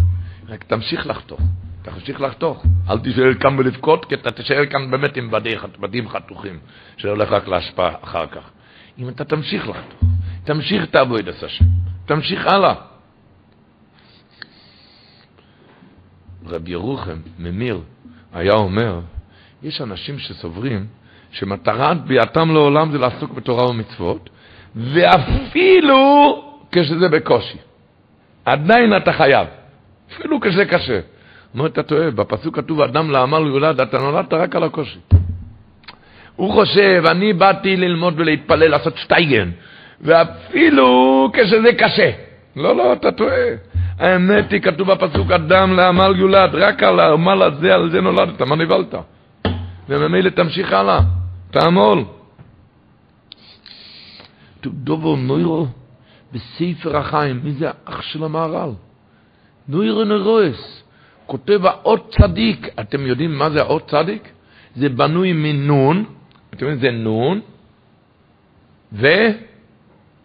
ויוד למעלה. זה נקרא צדיק. נון. אז אומר הספר החיים, נון זה מרמז על נופל, הגמרא בברכות, מסכת ברכות, כתוב, נון זה מרמז על נפילה, לכן לא כתוב אות נון בכל אשרי. כתוב שם כל א' בייס חוץ מנון, כי זה מרמז לנפילה. אז נון אומר הספר החיים זה נפילה. מי שנפל ברוחניות, והוא צוחב על עצמו יהודי על הכתף, הוא הלאה נשאר, סובל את היהוד, הוא הלאה נשאר לוחם ביהוד, ביהדות, הוא צדיק. אפילו כשנפלתי. אבל הוא ממשיך לסבול על הגב את האות י', לסבול עול היהדות, את תורה מצוות. לא אומר, אין עבדתי, כבר פרקתי מעליי מעט, מעט עול תורה ומצוות, אני אפרק לגמרי. לא, לא, אלא מטה שכמו לסבול מכאן ואילך, זה נקרא צדיק. מה זה צדיק? לא, אחד שחושב שצדיק, הספר החיים מחדש לי חידוש גדול. אני חשבתי שצדיק זה רק מי שלא נפל אף פעם, הוא תמיד בין עליה למעלה, למעלה, ככה אני חשבתי. ספר החיים אומר בדיוק ההפך. רק מי שלא, לא צריכים ליפול, כבר נפלנו מספיק. אבל אחד שנפל, אחד שכבר נפל, ועכשיו הוא ממשיך לסבול את היוד על עצמו, ממשיך ללחום, ממשיך. אוי, אומר, נון תרמוז על הנפילה. אומר, הנופל הזה, אם יטה שכמו לסבול על גבו את האות י', הרומז ליהודי ויהדות, לסבול עול היהדות ותורה ומצוות מהיום והלאה, בזה ייקרא צדיק. אפילו אחד שנפל, כבר נפל לגמרי, התרסק. אבל אומר, מהיום והלאה אני סוחב על עצמי את היוד. מהיום והלאה. הוא צדיק. לא אומר, אין עבדתי, כבר פרקתם עליי מעט עול תורה ומצוות, אפרק את זה לגמרי. לא. אלא יפה שכמו, שכמו לסבול מכאן ואילך, איך אומרים? רק פריקת בהמה זה על ידי הורדת מסע. בן אדם יהודי צריך להרבות במסע. זה עד כמה שידו, עד כמה שידו מגע. ככה אומר המדרש בפרשת השבוע. המדרש אומר, בעלוי זכויס הנרוס. אומר הקדוש ברוך הוא, אני צריך את האור שלך? אני צריך את האור שלך? אומר הקדוש ברוך הוא. עיניים שיש בך. יש בתוכן לבן ושחור, נכון? יש לבן. דרך איזה צבע אתה רואה? דרך הלבן? מה פתאום?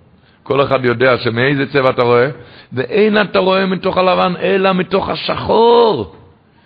איי איי איי, אומר הקדוש ברוך הוא, אותי לראות רק דרך השחור, כשקשה לך, איי, כשקשה לך, היצר הרע משתולל מכל סוגי כיוונים, יומיים עיניך.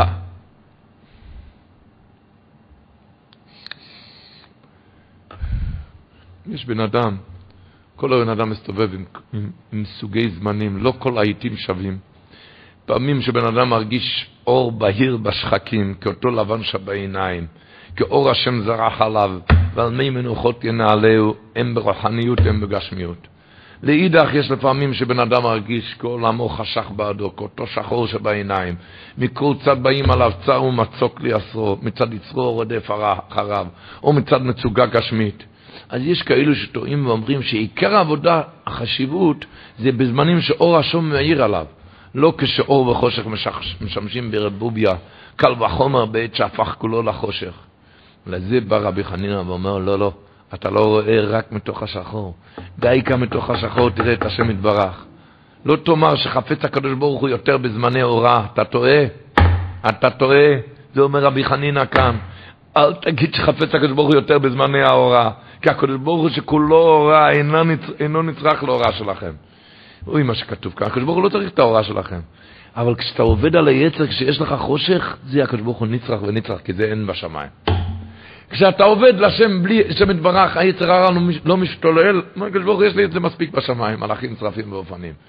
אבל כשבן אדם עובד הקדוש ברוך הוא, כשהיצר הרע משתולל עליו, על זה הוא נצרך ונצרך שעובד מצד, מצבע השחור, על זה הוא נצרך, כי לזה אין לקדוש ברוך הוא ממלוכים דורי מעלו, כי אם מאיתנו דורי מטה. ככה ממשיך המדרש ואומר, למה הדבר דומה? המדרש אומר. למלך שהיה לו אוהב, איש מפשוטי העם אוהב, והמלך אמר לו, תדע שאצלך אני סועד. היה אוהב שלו, למד איתו בחדר, בבית ספר. אמר לו, תדע, ארוחת ערב אני אוכל אצלך היום. הוא, לך ותקן לי סעודה. הלך האוהב הזה, והכין, מה, לא, אבל הכל במושג שלו, של אדיוט. הוא אדיוט. והלך ואוהבו והתקין מיטה של אדיוט, מנורה של אדיוט, שולחן של אדיוט. כיוון שבא המלך, אומר המדרש, באו עמו השמשים, שסיבבו מכאן ומכאן, הם באו ככה קדימה, לפני המלך, הם באו, סיבבו מכאן ומכאן מנורה של זהב, להעיר לכ, לכבוד לפניו. כיוון שראה, אוהבו את כל הכבוד, הוא ראה מה הולך כאן, זהב, אז הוא התבייש להציע לפני המלך את כליו, והוא הטמין, החביא את כל מה שהוא הטמין משלו, של הדיוטות. כן? הוא החביא את הכל. נכנס המלך, והוא רואה שמה רק את הכלים שלו, של זהב. שואל אותו, אני לא מבין, לא אמרתי לך שאצלך אני צועב. למה לא הכנת לי כלום מהכלים שלך? אז סיפר לו האוהב, אני הכנתי הרבה כלים שלי של אדיוט, אבל ראיתי את כל הכבוד שלך, ש, שבא כאן מנורה של זהב, התביישתי והטמנתי כל מה שהתקמתי לך, שזה היו כלי אדיוטות. הוא אומר לו, המלך, ריבונו של עולם, למה הגעתי אליך? הגעתי אליך להשתמש בכלים שלי של זהב? הגעתי אליך כי אני חפץ ואוהב להשתמש עם הכלים שלך של אדיוט. אומר המדרש, אמר לו המלך, חייך, שאני פוסל את כל כלי שהבאתי. כל כלי שהבאתי, ובשביל אהבתך איני משתמש אלא בשלך. אומר המדרש אותו דבר, כל כלי זהב ומשכיות חמדה יש לי בארמון, אני לא צריך אותך. באתי אליך כתאווה שלי להשתמש עם העבודה, עם הכלים שלך. אומר הקדוש ברוך הוא, מלוכים יש לי מספיק בשמיים. בראתי אותך, אני הכנסתי לך את היצר הרע הזה, כי רציתי שתעבוד אותי עם היצר הרע הזה, עם כלי אדיוט האלו. עם היצר הרע הזה. יש לי מספיק כלי זהב, אומר הקדוש ברוך הוא. יש לי מספיק מצורה לבנה למעלה.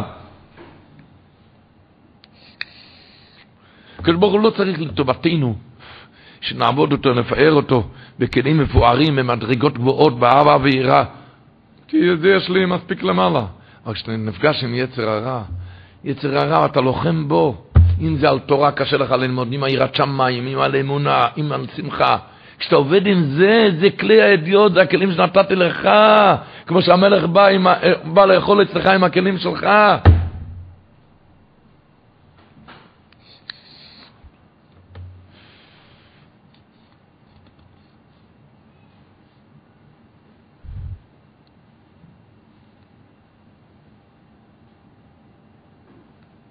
זה הנחס רוח.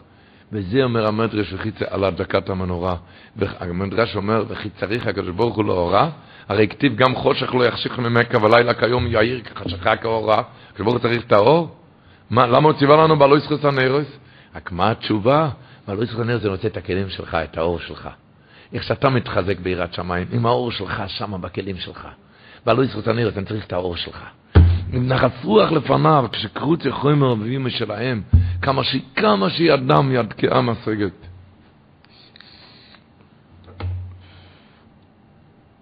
בן אדם נראה לו, נראה לו רחוק, חושך לו, נראה מרוחק, הוא לא מבין הפוך, עכשיו אתה קרוב, עכשיו נראה לו רחוק, מיצרה משתולל הפוך, עכשיו אתה קרוב, את זה הקדוש ברוך הוא רוצה, מרוחק השם נירו לי, אומר הנובי, על ידי הריחוק, ועל זה מתקרבים אליו מאוד.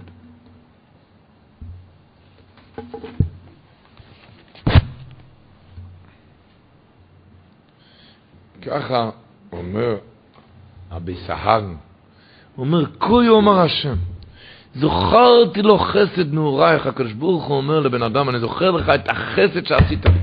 מה החסד? מה החסד נעורייך? הוא אומר, בחור, צעיר, עובד בהתלהבות, בזריזות. האבס כלולוי סויך, מה זה? השנים שבאמצע החיים, אז קוימוסו שלימו, בגשמיוס, כמשמעות כלולוי סייך, באמצע השנים.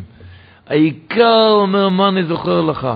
לך תך אחריי במדבור, אומר, אחוריים, זה אחוריים כשלא אור לו ולא טוב לו. ואז אתה הולך אחריי, בארץ, במדבור. זה במדבור, זה בארץ לא זרועה, ואתה מתחזק כמה שאפשר. זה חביב יקר לפני הקדוש ברוך הוא יותר מהכל. זה זוכרתי לך. מה החסד שאתה עשית לי? אומר הקדוש ברוך הוא, אה, לך תחר אחריי במדבר. כשאחורה, בחינת אחוריים, אין אור. אומר הרש"ב, דבר שאי אפשר להוציא את זה על הפה, אלמוד יוצא מפורש מפיו, זה כתוב בספר המאמורים בשנת תרע"ט, עמוד תרע"ח, כתוב בפרשת השבוע. נורא נורס. ואיש מוישה עונוב מועד מכל ההודו מאשר על פני אדומו. הוא אומר, שואל, אתה יכול להבין כזה דבר? איך משה רבינו החזיק את עצמו יותר, יותר פשוט ממני? מה, הוא לא ידע שהוא לא יקום נובי אוהד בישראל כמו אישה שידעו השם פנים אל פנים? פה אל פה אדבר בו כתוב פרשת השבוע. איך הוא החזיק את עצמו יותר שפל ממני? הוא ענב יותר מכל האדם אשר על פני האדמה. הוא, ענב, הוא החזיק את עצמו יותר שפל ממני? איך הוא, הוא לא ידע שהוא היחיד אשר ידעו השם פנים אל פנים? ומויר די גבוהות. אומר, כתוב במדרש, מביא מדרש, שמשה ראה ספרו של האדם הראשון. מה היה ספרו של האדם הראשון? שם היה כתוב, מבראשיס עד תחיית המתים, זה מדרש בפרט תנחום בפרשת בראשיס. שם היה כתוב כל הדורות, מה שאנחנו יושבים כאן, כל המחובים שלנו, זה גם היה כתוב שם בספר. כל עד תחיית המתים, כל הקשיים כל בן אדם. אז הוא ראה, משה רבינו ראה שם בספר, הוא ראה שם שיבוא דור, איקווס אלה משיחה, שאין להם שום השגה אלוקאי. זאת אומרת, ההשגה שלהם זה לא נחשב להשגה, ומי מדבר נגד משה רבינו, ודאי ששום השגה לא. וגם העבודה, העבודה שלהם, לא יהיה להם עבודה אמיתית במוח ולב. אבל מה? רק יהיו מצוות בפועל ממש, בלי לב, בלי מוח. אבל מה? זה יעלה להם במסירות נפש. היא ראה את הדור שלהם, איזה מניעות, איזה עיכובים, בכל כך הרבה העלמות והסתרים, כאילו ניסיונות, כל כך הרבה העלמות והסתרים, והם יעמדו נגד כל מונע ויקיימו המצוות במסירות נפש. הוא אומר, אז היה משה רבינו בתכלית השפלות, השפלות בעצמו, מפני היתרון הזה שהם גדולים הרבה ממנו. נו, לא נורס, דברים שאי אפשר להוציא על הפה. הוא ראה ביתרון הזה שהם עומדים נגד כאילו מניעות, כאילו העלמות, כאילו הסתרים, אפילו שאין להם השגה אלוקאי. כאילו העלמות והסתרים, והם עומדים נגד זה, היה משה רבינו בתכלס השיפלוס בעצמו, כי הוא ראה כהם גדולים הרבה ממנו. נו, רבותיי, מה זה כשבן אדם מתחזק בעת מניעה, בשחור שבעיניים? אתם יודעים, יש ספר של קטמן, בריס מנוחה, זה תלמוד של הרמב"ן היה. הוא כותב שם, האור לשמיים מביא אותו בפרשת תצווה. נוירו נרוס. הוא כותב שם שהגימורה אומרת, אם ראשונים כמלוכים עונים כבני הודו, אם ראשונים כבני אדם ענו כחמורים, והיה בזמן הגימורה לא היום. היום, היות שיש ההסתר כזה גדול, כאלו ניסיונות החושך יחסי ארץ, ואין נתנו יודע עד מה, אז אנחנו יותר גדולים מהם. נראה נראה. כי בן אדם מתחזק לעבוד את השם מתוך הסתרים, מתוך הסתרים כפיקוחם ושכלם, אנחנו חשובים יותר מהצדיקים שבדורות הראשונים. נראה נראה. רק כזה קדמון יכל להגיד כזה ועוד. האריז'ינו, כתוב בעירין קדישן, שהוא היה אומר את הגימורה הזאתי, אם ראשונים כמלוכים מונו כבני אודם, ראשונים כבני אודם מונו כחמורים, הציבור יודע שזה ירידת הדורות. הוא אמר הפרות, זה עליית הדורות. למה? כשבן אדם נכנס ומתפלל מנחה זה חידוש? לא. אוי, אם חמור יבוא להתפלל מנחה, כל העולם ירש, לא? ואם החמור יל, ילבש גרטל וידע עבר השם אשר יושב וזכרו, מתחיל להגיד קדיש. אוי, איזה, מה? איזה חידוש. אז אומר, הם ראשונים, כבני אודום, פעם התפללו, זה לא היה כזה, לא עשה כזה רעש גדול בשמיים. למה? זה היו בני אדם פעם. אבל אנו בכזה חושך, וכאילו תאוות, לא עלינו, כאילו, אז אנו כחמורים, וחמור נעמד להתפלל, זה עושה רעש גדול בשמיים. אז הוא אומר, כשחמור נעמד לתפילה, כן? אתה תדקדק עליו כמה הוא כיוון, וכמה הוא דקדק באותיות. אותו דבר עלינו לא ידקדקו כל כך, כמה לא מדקדקים. העיקר הוא מתפלל. מתפלל, מתחזק נגד כל מונע. עם השם חזקו ומסחסקו. לא נאריך מדי הרבה, רק עוד ועוד. הרלב"ג אומר, פרשת השבוע, ואם באק, כשהקדוש ברוך הוא אומר למשה רבינו, עשה לך שתי חצי צריס כסף, כן? היה סימן, אם באחת תתקעו, אם, אם תקעו רק עם חצוצרה אחת, מה היה הסימן למי? שנועדו עליך רק הנשיאים ראשי אלפי ישראל. אם תקעו רק בחצוצרה, היה שתי חצוצרות, וכל אחד היה סימן אחר. אם תקעו רק בחצוצרה אחד, מי היה צריך להגיע? רק 12 איש, 12 נשיאים. שואל הרלב"ג, גם היה תלמיד של הרמב"ן, נכד של הרמב"ן, תלמיד של הרמב"ן. שואל, אני לא מבין, לקרוס 12 נשיאים, אתה צריך לתקוע בחצוצרה שכל 60 ריבו ישמעו? תשלח שליח, אמ, הזמנה, ל-12 נשיאים, כולם לבוא, מוזמנים למשה רבינו. אומר הרלב"ג דבר נורא, שלמה? שאם היו שולחים, שולחים הודעה, אז מטבע הדברים, אחד לפני כן, אחד אחרי כן, אחד אחרי כן. היה נהיה סיפור, אה, לא הודעת לפניי, והוא אחריי. מתחיל כאן כבוד הבריות, אומר, אומרת התורה שלא לזלזל באף אחד, תקיעה אחת לכולם ביחד.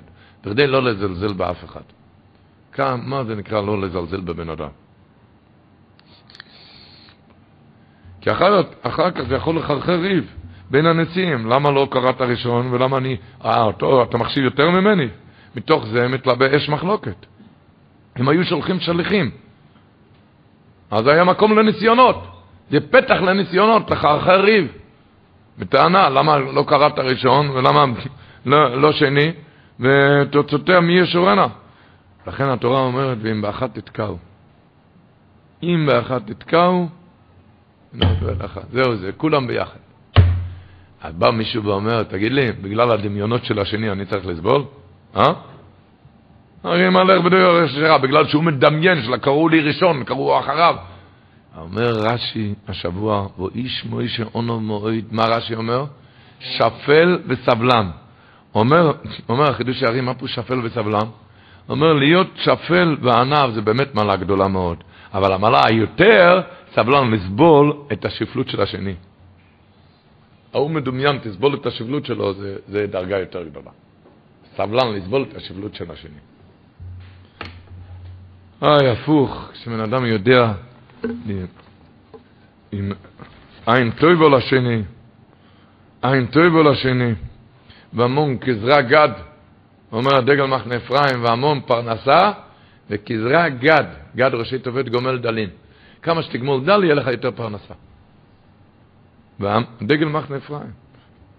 הוא אומר את זה פרשת בשלח, אבל על, על פסוק בפרשת השבוע. והמון כזרע גד, כל המרחם על הבריות מרחם עליו מהשמיים. הוא אומר, זהו האמן, הפרנסה, השפע, הבאה לו מן השמיים, כזרע גד, ראשי תיבות גומל דלים. כמה שאתה תגמול דלים. כמה שאתה תגמול דלים.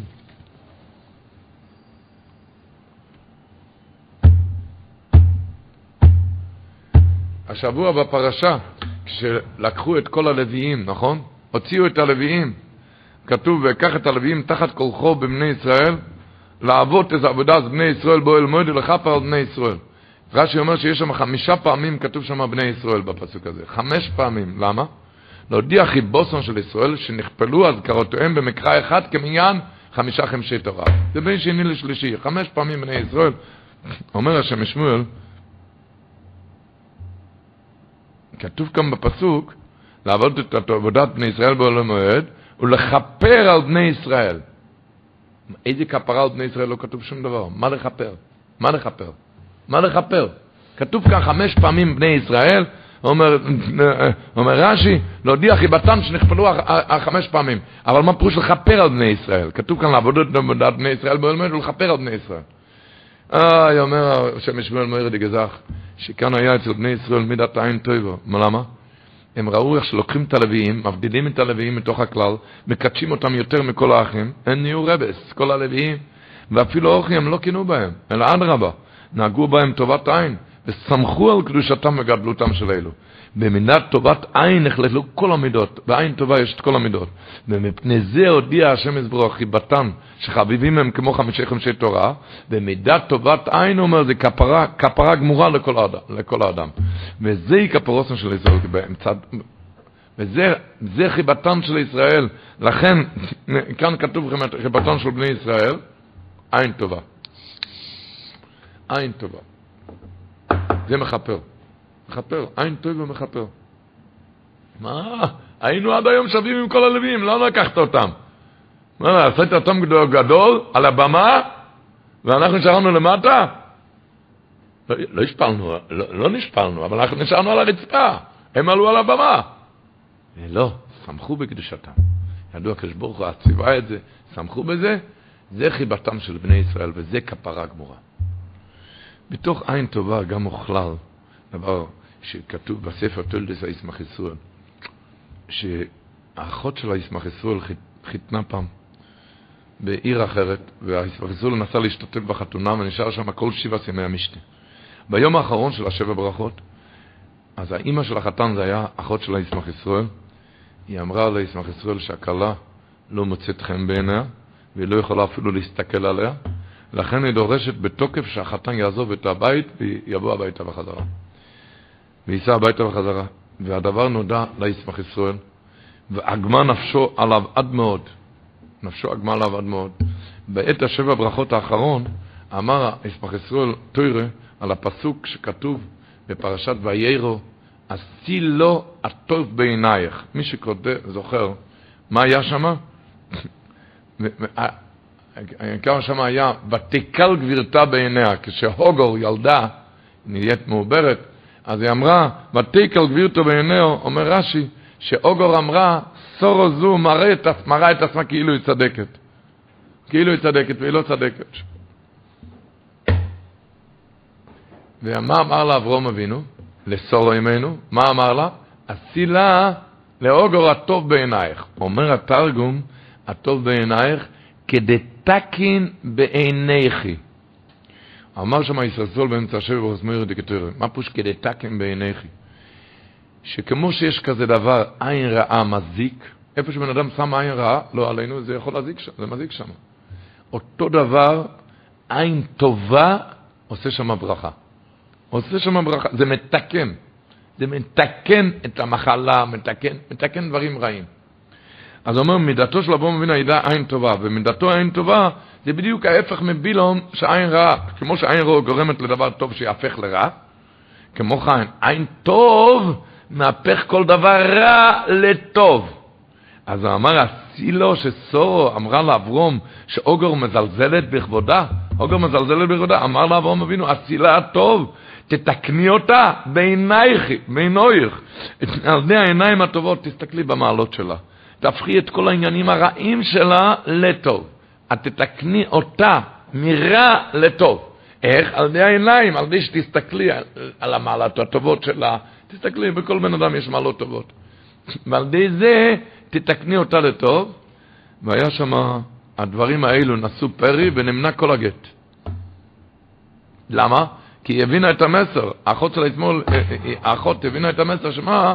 היא התחיל להסתכל על הדברים הטובים, הדברים הטובים, ועל ידי זה היא תהפך לטוב הקלה. על ידי זה, כדי תקן בעינייך. שעל ידי, כמו שאתה בעין רע, אתה גורם לדבר טוב שיהפך לרע, אותו דבר בעין טובה, אתה מהפך כל דברים רעים לטובה. אז זה מלמד אותנו, אותנו מה זה עין טובה, שאפילו שאתה רואה שפלויני מושחת, פלויני יש לו טבעים רעים, תסתכל בעין טובה ותראה שסוף דבר שיתוקנו דרכיו, ויעזוב כל קלקוליו. וזה לא רק לאנשים, זה גם אותו דבר להורים ומחנכים. הורים ומחנכים יכולים להפוך את הלב והמוח של התלמידים והבנים לטובה ולברכה. איך? על ידי שתביטו על הילדים בעין טובה, שאומרת שוב ושוב, פלויני טוב, הוא כן טוב. פלוני חשיבותו גדולה עד מאוד, תסתכלו עליו טוב. כל בן אדם, כל ילד יש לו דברים טובים. ועל ידי זה יהפך לבבם וטבעם לטוב. כתוב כאן סוד גדול בחינוך כאן בישמח ישראל. אתה תתקן עליו. הילד הזה שומע את השדר, מה שאתה משדר שם, שהוא לא טוב, הוא לא טוב, אז זה נשאר לא טוב, לא עלינו. כשאתה תהפוך את העיניים שלך להסתכל על הדברים הטובים ותפענח נעלמים, תפענח קצת את הדברים, שיש כאן דברים טובים. כדי תקן בעינייך, הוא ישמע שהוא טוב, הוא יבין שהוא טוב, הוא ישכיל שהוא טוב. אומרים, כהן עשומו באחס מעינוב, יש משנה בנגויים, פרק בייז משנה ג', שכהן שעיוור באחד העיניים, אחד מהעיניים, אסור לו לראות נגעים. אומרים, מה ההסבר בזה? שכהן, שאתה בא לראות את החסרונות של השני, אם אתה עיוור באחד העיניים, אתה לא יכול לראות גם את המעלות, אל תסתכל על החסרונות. אם, אי, לא, אי אפשר להסתכל בעין אחת. אם אתה רואה מעלות, אתה יכול גם להסתכל על חסרונות. אם אתה לא רואה את המעלות, לא יכול, אני לא רואה בשום מעלה, אז סליחה, אז אל תסתכל על החסרונות גם. אם אתה לא רואה מה... יש הלוכה גם במשנה שמה, אין רואים נגעים ביום המעונן. ביום המעונן. אז אומרים שתי דברים. כשפלויני במצב של מעונן, עת צר ומצוק, אל תסתכל על החסרונות שלו, כי לא דנים בן אדם במצב כזה. אי אפשר לדון בן אדם כשהוא במצב מעונן, לא עלינו. אל תיפגע ממנו, אבל יש עוד ועוד, הם, הם מסתכלים ביום המעונן, כשאתה מעונן גם אל תשפוט מישהו אחר. כשאתה ככה, מי יודע באיזה דינים תשפוט אותם כשאתה במצב מעונן.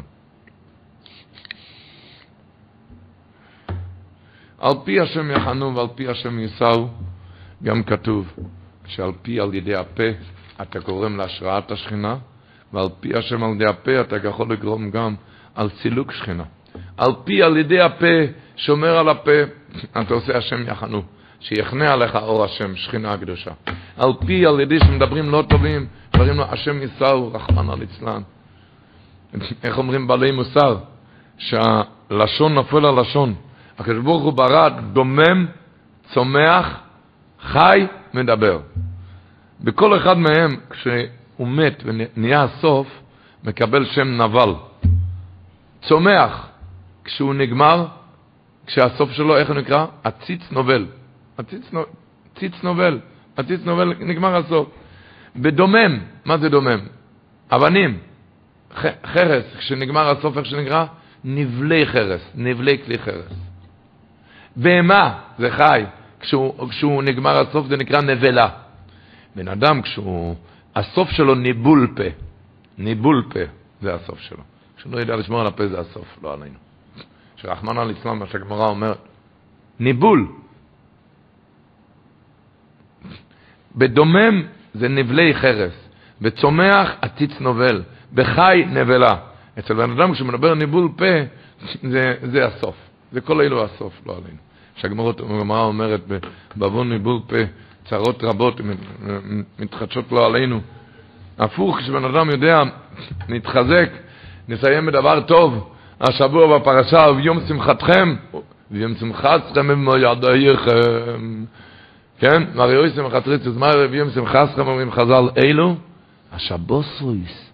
שמחה זה כל השבועות צריכים להיות שמחים. אבל בשבת הרבה יותר. ויום השבוס קודש סיסו ושמחו כי מקבלי מתן אכליאל. כתוב באגרא דקאלה, פרשת כיסובוי, דובר נוירו. הוא אומר, כתוב בתויכוכו, תחת אשר לא יאבדת את השם אלוקיך בשמחה, אומר דובר נוירו.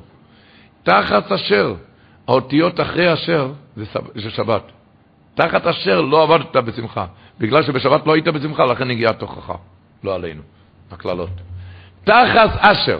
אשר, בואו נלמד א' ב' רבותיי. אחרי האות א' מה זה? ב', אחרי שין, ת', אחרי רש, שין. זה אותיות שבת. תחת אשר, האותיות אחרי אשר, תחת, שזה שבת, אז לא עבדת את השם אלוקיך בשמחה, על זה הגיע התוכחה, לא אוי, השם ישמרנו. השם ישמרנו. השם ישמרנו, בשבת להיות שמחים. חדו, איך אומרים בזמירות שבת? חדו שגיא יתה, זמירות הריב, על חדת תרתה, נאורה להם תה, וברכן דין פשין. מה הפירוש? אומר, חדו זה שמחה.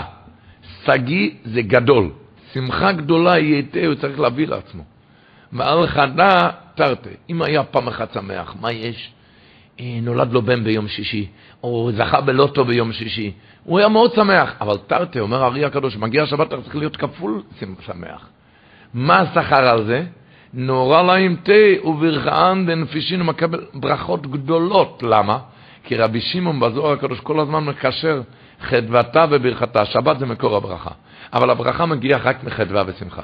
אז מה שאם על חדת תרתי, אם, אם חדו שגיא, יהיה לך שמחה גדולה, תקבל ברכה אנדן פשין, ברכות גדולות. חדו שגיא אתה. אם יהיה לך שמחה גדולה, אז ברכה אנדן פשין, יהיה לך ברכות גדולות. נו, מי לא רוצה ברכות? כל השבוע יעמוד בתור שבע שעות על ברכות. וכאן אומרים לך דבר אחד, חדו סגי, שמחה גדולה, על ידי זה ברכה אנדן פשין. אומר לי בן אדם, אבל מה אני אעשה? אני לא שמח. מה אני אעשה? אני לא שמח. אמרתי לו, מה זה יתר? חדו סגי, חדו זה שמחה, סגי גדול, שמחה גדולה, יתר שיביא על עצמו. למי אומרים בן אדם להביא על עצמו? כשאתה לא שמח. אל תגיד, אני לא שמח, מי כן שמח? תביא את רב שמחה, תעשה חברותה עם רבי שמחה. תכניס אותו ללב, תעשה הכנסת אורחים, הוא עומד לימינך, הוא מחכה עליך. אבל תזכה לברכן דנפשין, איך הוא אמר, מה לא עושים על פרנסה? מה לא עושים בשביל פרנסה? תשמע, זה מקור הברכה.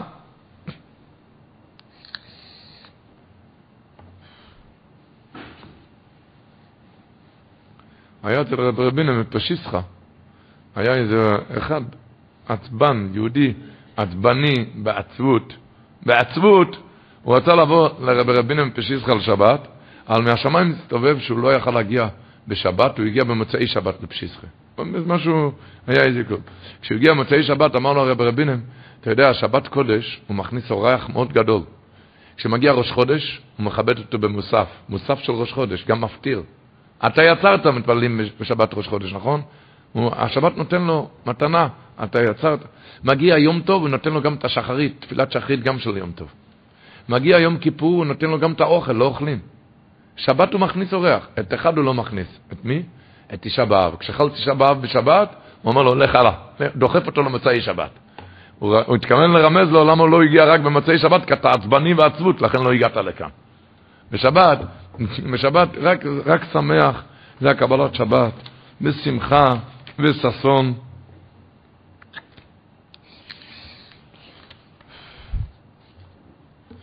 וכשזה מגיע קצת בקושי, אז הפוך, זה רק, זה רק,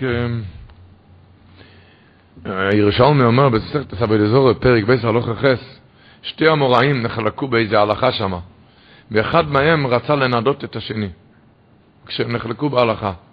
אמרו לו חבריו, איך אתה יכול לנדות אותו? הוא הרי אדם גדול. שאל המנדה, זה שרצה לנדות, מה גדולתו? אז אמרו לו, הוא יודע להמתיק את הים הגדול. הים הגדול מלוח, אתם שמתם פעם המים, זה מלוח. הוא יודע להמתיק את הים הגדול. אומר הירושלמי שם, מה הפירוש? הוא יודע להמתיק את הים הגדול. מה הפירוש? שהכוונה, כי הוא יודע לכוון את השעה שהים הגדול אומר שירה, שאז הים, המים נמתקים. אז המים נמתקים. באותו שעה, אז מה רואים מכאן? שאפילו מים מלוכים ביותר, כמו ים הגדול. אם אתה מתחיל שירה לקדוש ברוך הוא, הוא נמתק. תתחיל שירה בשבת, כמה שאתה מלוח, תהיה, תהיה כבר, ידי השירה, תהיה, תימתק. תתמתק על ידי השירה. אה? קל וחומר, אם הים, מים מלוכים, נמתק כשהוא משורר לכל עליון, לכל עליון, האדם עצמו ודאי מתמתק ברוחניות ובגשמיות, ונחלץ מכל צרותיו, מכל צרותיו, כשהוא משורר. אה? הגמרא אומרת במגילה י"ב, כשעומר רובה, שם ביום השביעי כתוב לב המלך ביין, עומר רובה יום השביעי שבסויר, שישראל אוכלים ושותים מתחילים בדברי תורה, בדברי תשבחות, שרים. אתם יודעים, החינוך אומר את זה פרשת השבוע. והרי אויסם בחצויצרס, על הפסוק הזה, והרי אויסם בחצויצרס, בש"פ ד', אומר החינוך, תדעו מה זה זמירות שבת.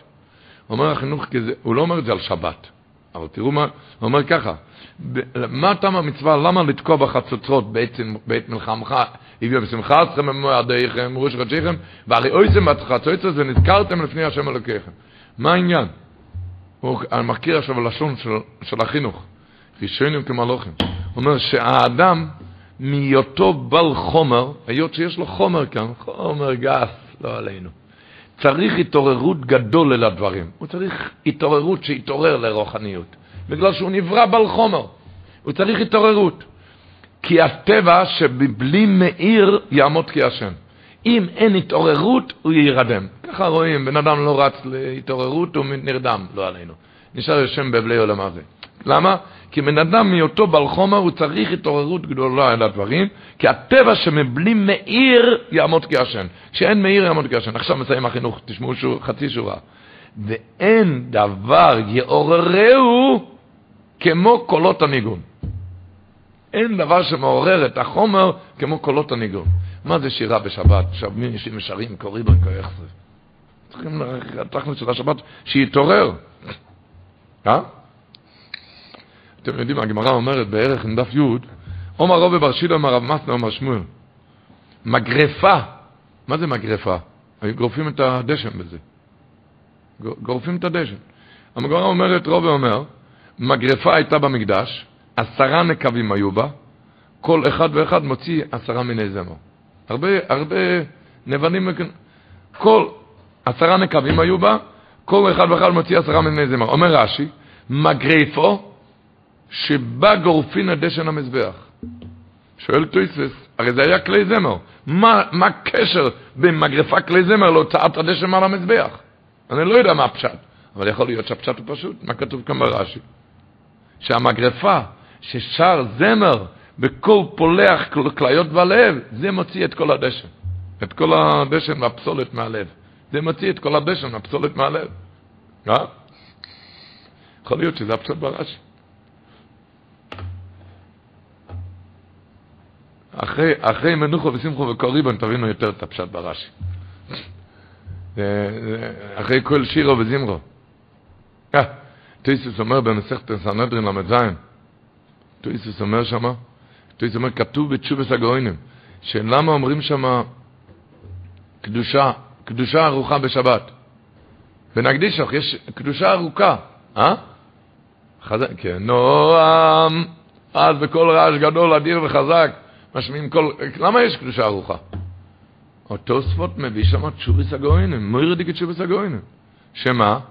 שיש פסוק שש כנפיים לאחד. כל חיות, הקודש למעלה, יש להם שש כנפיים, שכל יום מששת ימי המעשה הם שרים עם כנף אחד. מגיע שבת קודש, אומרים החיות לפני המקום, ריבונו של עולם, אין לנו עוד כנף. הקדוש ברוך הוא משיב להם, יש לי עוד כנף אחד שאומר לפניי שירה. מי? מכנף הארץ מרות שמענו. אלה ישראל שאומרים לפניי שירה בעולם הזה. הקדוש ברוך הוא משתיק את החיות, עכשיו אני שומע את הקוריבוין וכוח סויף של עם ישראל. האורזורוע מביא אותו דבר, שלכן מעריכים פסוקי דה זמרה בשבס. למה יש פסוקי דה זמרה כזה ארוכה? בגלל, הוא מביא את אותו דבר. כי הקדוש ברוך הוא משתיק את החיות, אתם לא תשירו היום, אתם לא תגידו היום שירה, כי היום, אה? היום רק כלל ישראל. כלל ישראל.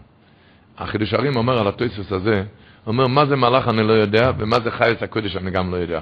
ומה זה הכנפיים שלהם אני ודאי לא יודע. אומר החידוש הרים, אבל מה שכתוב כאן בטויסוס, שאתה עם הקוריבו שלך עושה בשבת, מה שהכנפיים, מה שהחיות לא יכולים לעשות בכנפיים. הקדוש הוא משתיק אותם, אני רוצה לשמוע את, ה, את, ה, את הכנפיים של, של היהודי. נו, אז איך אתה נרדם באמצע? איך אתה עוד מרגיש עייפות? הקדוש ברוך הוא מחכה לכנפיים שלך. אני אקריא כאן לשון של אספסמס. הוא כותב, הוא כותב ככה, ושמעתי מפי מויר זקני על החידוש הערים, הוא שמע מהחידוש הערים, מה, העניין, הוא אומר רעיון אחר, שהחידוש הערים אמר, מה העניין שירה בקונוף לחייס הקודש? מה הקשר כנף לחייס הקודש? הוא אומר רק שעל ידי השירה מתעלים כמו העוף, העוף מגביה עוף לגבי מרומים, על ידי הכנפיים, בכנפיו, וכן כוסב האריזל שכל עלייה על ידי שירה, שהבן אדם מתופף מעלה מעלה על ידי השירה בשבס. אתם מבינים? על ידי השירה בשבס. כך, תיכנס, ת, ת, זי פרי... ת, תתעורר קצת. האמר חיים אמר פעם זיס וורט, האמר חיים אמר, שבמדרש כתוב, אחרי שקין הרג את אבל, והקדוש ברוך הוא הוכיח את הקין והעניש אותו. כתוב במדרש, מדרש ידוע, שפגע בו האדם הראשון. האדם הראשון פגש את קין. אמר לו, מה נעשה בדינך? מה נהיה עם הדין שלך? הקדוש ברוך הוא אותו.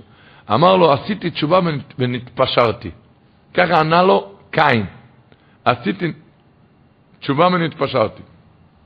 מיד עמד האדם הראשון ואמר, מזמור שיר ליום השבס. אז כולם שואלים, הרי מרחיים אמר, מה זה נתפשרתי? הקדוש ברוך הוא יש פשרות, פשרות יש אצל בן אדם, מה זה פשרה? מה המילה הזאת פשרה? ובעיקר תמוה אומר, מה, מה נכנס כאן מזמור שיר ליום השבת? מה, מה נכנס כאן מזמור? אז הוא אמר, דיבר בקודשו, האמר חיים, זה היה אצלו הוא היה אומר, כמה שהוא רתח בשבת. אז הוא אמר ככה, קין התאונן, אמר לאדם הראשון, אבא, לא יודע, עשיתי תשובה, אבל נתפשרתי, אני עדיין נשארתי פושר. עדיין אני עוד לא בוער, עוד לא רותח מחדש לקדוש ברוך הוא, עוד לא מתחמם, אני רק פושר. מיד פתח המדום הראשון, אמר לו, מי משאיר ליום השבת? תיכנס ליום השבת, תשקע ליום השבת. מכוח הקדושה הזאת יהיה נכסה וגם כל זונף שלא תישאר אדיש וצונן ביום השבת. אני יקום כמו אלוב, יוחש לאמצוך, יסער, יסער, יקבו ערך, יוחש לאמצוך.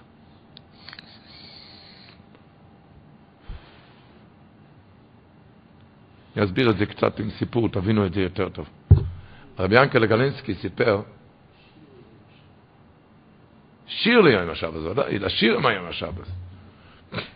עוד לא מורישן אמר, האדם זה ידע שזה השיר, זה האדם השיר. לא יצטרך, שלא יהיה מסופו ולחוץ. אין דובר יעוררהו כמו הניגון, אומר החינוך. אין דבר שיעורר את החומר כמו ניגון. אומר נורס, יש לכם להעיר את החומר בשבס. רבי ינקלה קלינסקי סיפר שנכנס פעם לחזון איש, והחזון איש שאל אותו אם בסיביר, אני לא צריך להסביר מה היה סיביר, כן, תחת שלטונות הרשע, האם הוא הניח תפילין. אז הוא ענה לו ככה, שהוא הגיע לסיביר עם קבוצה של שומרי תוירי מצווס, והרשעים ערכו חיפוש, חיפוש מדוקדק בכל כליהם, ומצאו כמה זוגות תפילין, והרשעים, יימח שמום, לקחו את כל התפילין ושרפו אותם באש, אמר רבי ינקלה שהוא עצמו הצליח כן להחביא זוג תפילין, והניח את זה באיזה מקום מסתור, וכל יום, סיפר רבי ינקלה לחזון איש, היו מעבידים אותם בעבודת פרח, שעות על שעות, בחטיבת עצים, חטיבת עצים, בקור מקפיא, שהרגליים שלהם היה, מבוס... היה בשלג עמוק. ככה הוא סיפר, בשלג עמוק. אחרי שעבדו כמה שעות, נתנו להם הפסקה קצרה של רבע שעה, לנוח קצת, ואז הגויים, מה עשו הגויים אז? הם הלכו לחמם מים ושפכו על הרגליים הקפואות לשמור על הזרימת הדם של הרגליים, על החיות וזרימת הדם. כי הם רצו שיעבדו הלאה. אז רבע שעה, מה הם עשו אז? שפכו מים חמים על הרגליים בשביל לשמור על זרימת הדם. אמר, אנחנו, הקבוצה, שומרי תורה, הוא מספר לחזון איש, מיהרו אז עם הרגליים של שלג, היה שלג, מיהרו למקום של המחבוא של התפילין, והיות שהיה רבע שעה רק, אז כולם רצו לזכות במניח תפילין, אז לא היה סיפור, כל אחד קרא רק פרש ראשונים וחלץ, פרש ראשונים וחלץ, ברבע שעה. החזון איש צעק לו אז, אני מקנא בנוחס תפילין הזה. בנוחס תפילין הזה אני מקנא. עשה במסירות נפש. איך הוא אומר? איך באמת לא כפלו רגליים, רגליים שלהם? איך לא כפלו רגליים? הרי לכולם, הנאצים, הסיבירניקס, הם הבינו שצריכים לשפוך כמה מים חמים. אז איך, איך עמדו כאן, איך הרגליים לא כפו? הניחו תפילים במקום שהתעסקו אז בחימום הרגליים? הרי זה כפור אז, אנחנו לא מבינים מה זה, זה כפור עד לשד עצומס. רק מה היה? הרתיחת הלב של הנוחס תפילין, האויס וקשר אליום הקדוש ברוך הוא, זה הרתיח את כל איברי הגוף וחיממה אותם. וגם אותו דבר לנו. אם העבודה בשבס קודש תהיה מתוך רתיחה, נפשי חוי לעשה בסכו. אז כל גופו ונפשו יתחמם, שלא יהיה כבר ונספשה אותי. זה המזמור שיר ליום השבס. אם, אם, אם, אם הלב שלך יבער, יבער, כמו שאצלהם, למה לא הרגישו כפור ברגליים? כי הלב רתח על התפילין. זה אויז וקשר אליום הקדוש ברוך הוא, זה הרתיח את כל איברי הגוף, את הרגליים זה חינם. נו, הפנן נהנה ונאמר. אם השבת קודש לא יהיה נתפשרתי, לא יהיה פושר, אלא מה יהיה? יהיה נכסבו גם כל נפשי. אז כבר לא יהיה מזה שלא עם השבת. והקדוש ברוך הוא יעזור, זה שבת שכתוב, מובא, מובא שהלכביצ'ר אמר, בערב שבת פרשת בלויסחו, אמר שיביאו כלי זמר. יביאו כלי זמר, למה? כי כתוב בפרשת השבוע, כשם דיברתו ועל ישראל. השם דיברתו ועל ישראל, יצא מהמקווה בסופים ומחולת. נהוג נדמה לי עד היום הזה, מקומות שביום שישי אחרי צהריים, בחצות, בגלל כי השם דיברתו ועל ישראל. פרשת בעל לא יסחו, כתוב מהרב פנחס אלקורצו, הוא כותב שהכל תלוי באור הגנוז. מה הפירוש? הוא כותב ככה, הרב רב פנחס וקובץ באים רב פנחס, כתוב בזוהר הקודש בפרש ויקרא דף פרחס, שבכל יום יש רגע אחד כל יום יש רגע אחד שאז מתגלה אור הגנוז, ובאותו הרגע מתקבלים כל התפילות. יש בכל יום רגע כזה. ולכן כתוב במדרש, קבל אל השם אפילו מאה פעמים. מה פירוש? בן אדם מתפלל על איזה דבר הרבה פעמים ולא נהנה, יתפלל עוד הפעם. מה פירוש? אומר הפרס וקורצר, למה? כי הכל תלוי באור הגנוז, הוא אומר. מה פירוש הכל תלוי באור הגנוז? הוא אומר, היות שיש בכל יום רגע אחד שאז מתגלה בעולם, אז יכול להיות אם תתפלל ותתפלל ותתפלל ותתפלל, תזכה לדקה הזאתי. ולכן המדרש אומר אפילו מאה פעמים. מסיים רבי חזוק קורצר, מכל מקום משמע קצת, הוא מביא את זה משם הבעל שם טוב הקודש, מכל מקום משמע קצת, שבבויקר, זה הרגע שלא כתוב מתי, אומר מכל מקום משמע קצת שבבויקר קודם נצח עמו מסגד. ועוז אס רוצו אינני של כל איכות צרוכב. כי אז זה מסגד, אוי רגונס. במחבר גם כתוב בסימן א', ש... הוא כותב שם עוד דבר באמרי פנחס, שבפרשס בעל לא יסחו, מאיר ומתעורר עניין אור הגנוז. אז יוצא שזה איס רוצה נפלא כל השבוע לקבלת התפילות. ונסיים רבו ישראל. נסיים במה שהיו צריכים להתחיל, שקיבלנו את התוירה בשבועס, להתחיל ללמוד. קבולת התוירה. קבולת התוירה זה להתחיל ללמוד. אוי. קבולת התוירה זה להתחיל ללמוד. אבל סרן כותב, כי אין חיינו ואורך ימינו והם נגד יום ולא, אומר התוירה זה החיים, התוירה זה אורך ימינו ואריכות ימינו, ובהם, עם הדברי תוירה אומר הבשר, נגה מלשון נהג, אנחנו מנהיגים את העולם, יום יום ולילה, אנחנו רוצים עושים יום, רוצים עושים לילה. שבתוירה יש בן אדם את כל הכוח להנהיג את כל העולם כולוי. הרי השנה זה פרשת בעל לא ישחוק, כן? אבל בדרך כלל, שבס נוסר זה אחרי שבועס. למה? אומר החידוש הערים, שהפסוקים בפרשת נוסר זה הכי גדול, כן? קופיים בו פסוקים. המדרש של פרשת נוסר זה הכי גדול, אז לא ירקו של פרשת נוסר זה הכי גדול. למה? בגלל שיש, מקבלים שפע, מקבלים שפע, אז בואו נתחיל ללמוד.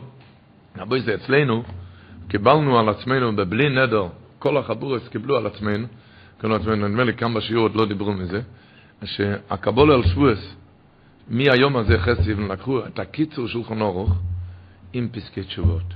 לקחו את הקיצור שולחן אורוך. הרב אוזנר היה אומר על, על הקיצור, שמי שלומד את הקיצור הוא יהודי, הוא יודע הלכות. השולחן ערוך זה על שאלות. זה על שאלות. לקחו את הקיצור שולחן ערוך וחילקו את זה ליום יום מחצי סיוון, זה לימוד של שלוש דקות. שתיים, בין שתיים לשלוש דקות. אם שמנו גם את הפסקי תשובס למטה, שזה אקטואלי, וזה, ושתיים שלוש דקות, אבל זה היה קבלה לכל החבורס, שמהיום הזה באולו שיחשב לקבלת התואר. כשבן אדם מקבל את התואר, הוא, נשאר אצלו שבועות, כמו שדיברנו, שקראנו השבוע בתורה, ויהי כהלת סברוקים, ששבוע זה היה ברק, אור, אור, אבל האור הזה הסתלק כבר. על פסוק אחד אחרי עשרת הפדורות כתוב וכל העם רואים את הקולות ואת הלפידים. אתה רוצה שהאור יישאר? תקבל איזה קבלה, תישאר לפיד. מי שרוצה שישאר אצלו השבועות, ייקח את הקיצור שולחן ערוך, יש כאן קיצור שולחן ערוך, נגיד את זה לכולם, כל אחד מקבל על עצמו. יש בקו, בקו יש איפה, בקו החבורס, איפה אפשר להציג את זה, זה כבר מחולק, החוברת הזאת, זה מחולק לכל ימי החודש, מחצי סיוון, מהיום התחילו, עד זין תמוז. עד זין תמוז, זה כבר מוכן לחודש הבא גם. לכל חודש, כאן יש לוח, רואים כאן יש לוח בהתחלה, גם בהתחלה שמו לוח על כל יום, כמה ללמוד, וגם מההתחלה יש כאן, זה ח' סיוון, זה ט' סיוון, בכל, בכל זה יש לוח, המחבר סידר את הלוח. את הלוח. נקבל את זה על עצמנו, וממילא ככה ממשיכים את ה... עכשיו, עוד באמצע, אנחנו באמצע שבע ברכות, רבותיי. אין לזה טעם, אחרי חתונה, באמצע שבע, באמצע שבע ברכות לא מתגרשים, רבותיי. לעשות הרבה שלום בית באמצע שבע ברכות. יש מצוות משמח, משמח חוסן עם הקהל. אז במה תהיה שמחה? במה אתה רוצה לשמח את הקהל?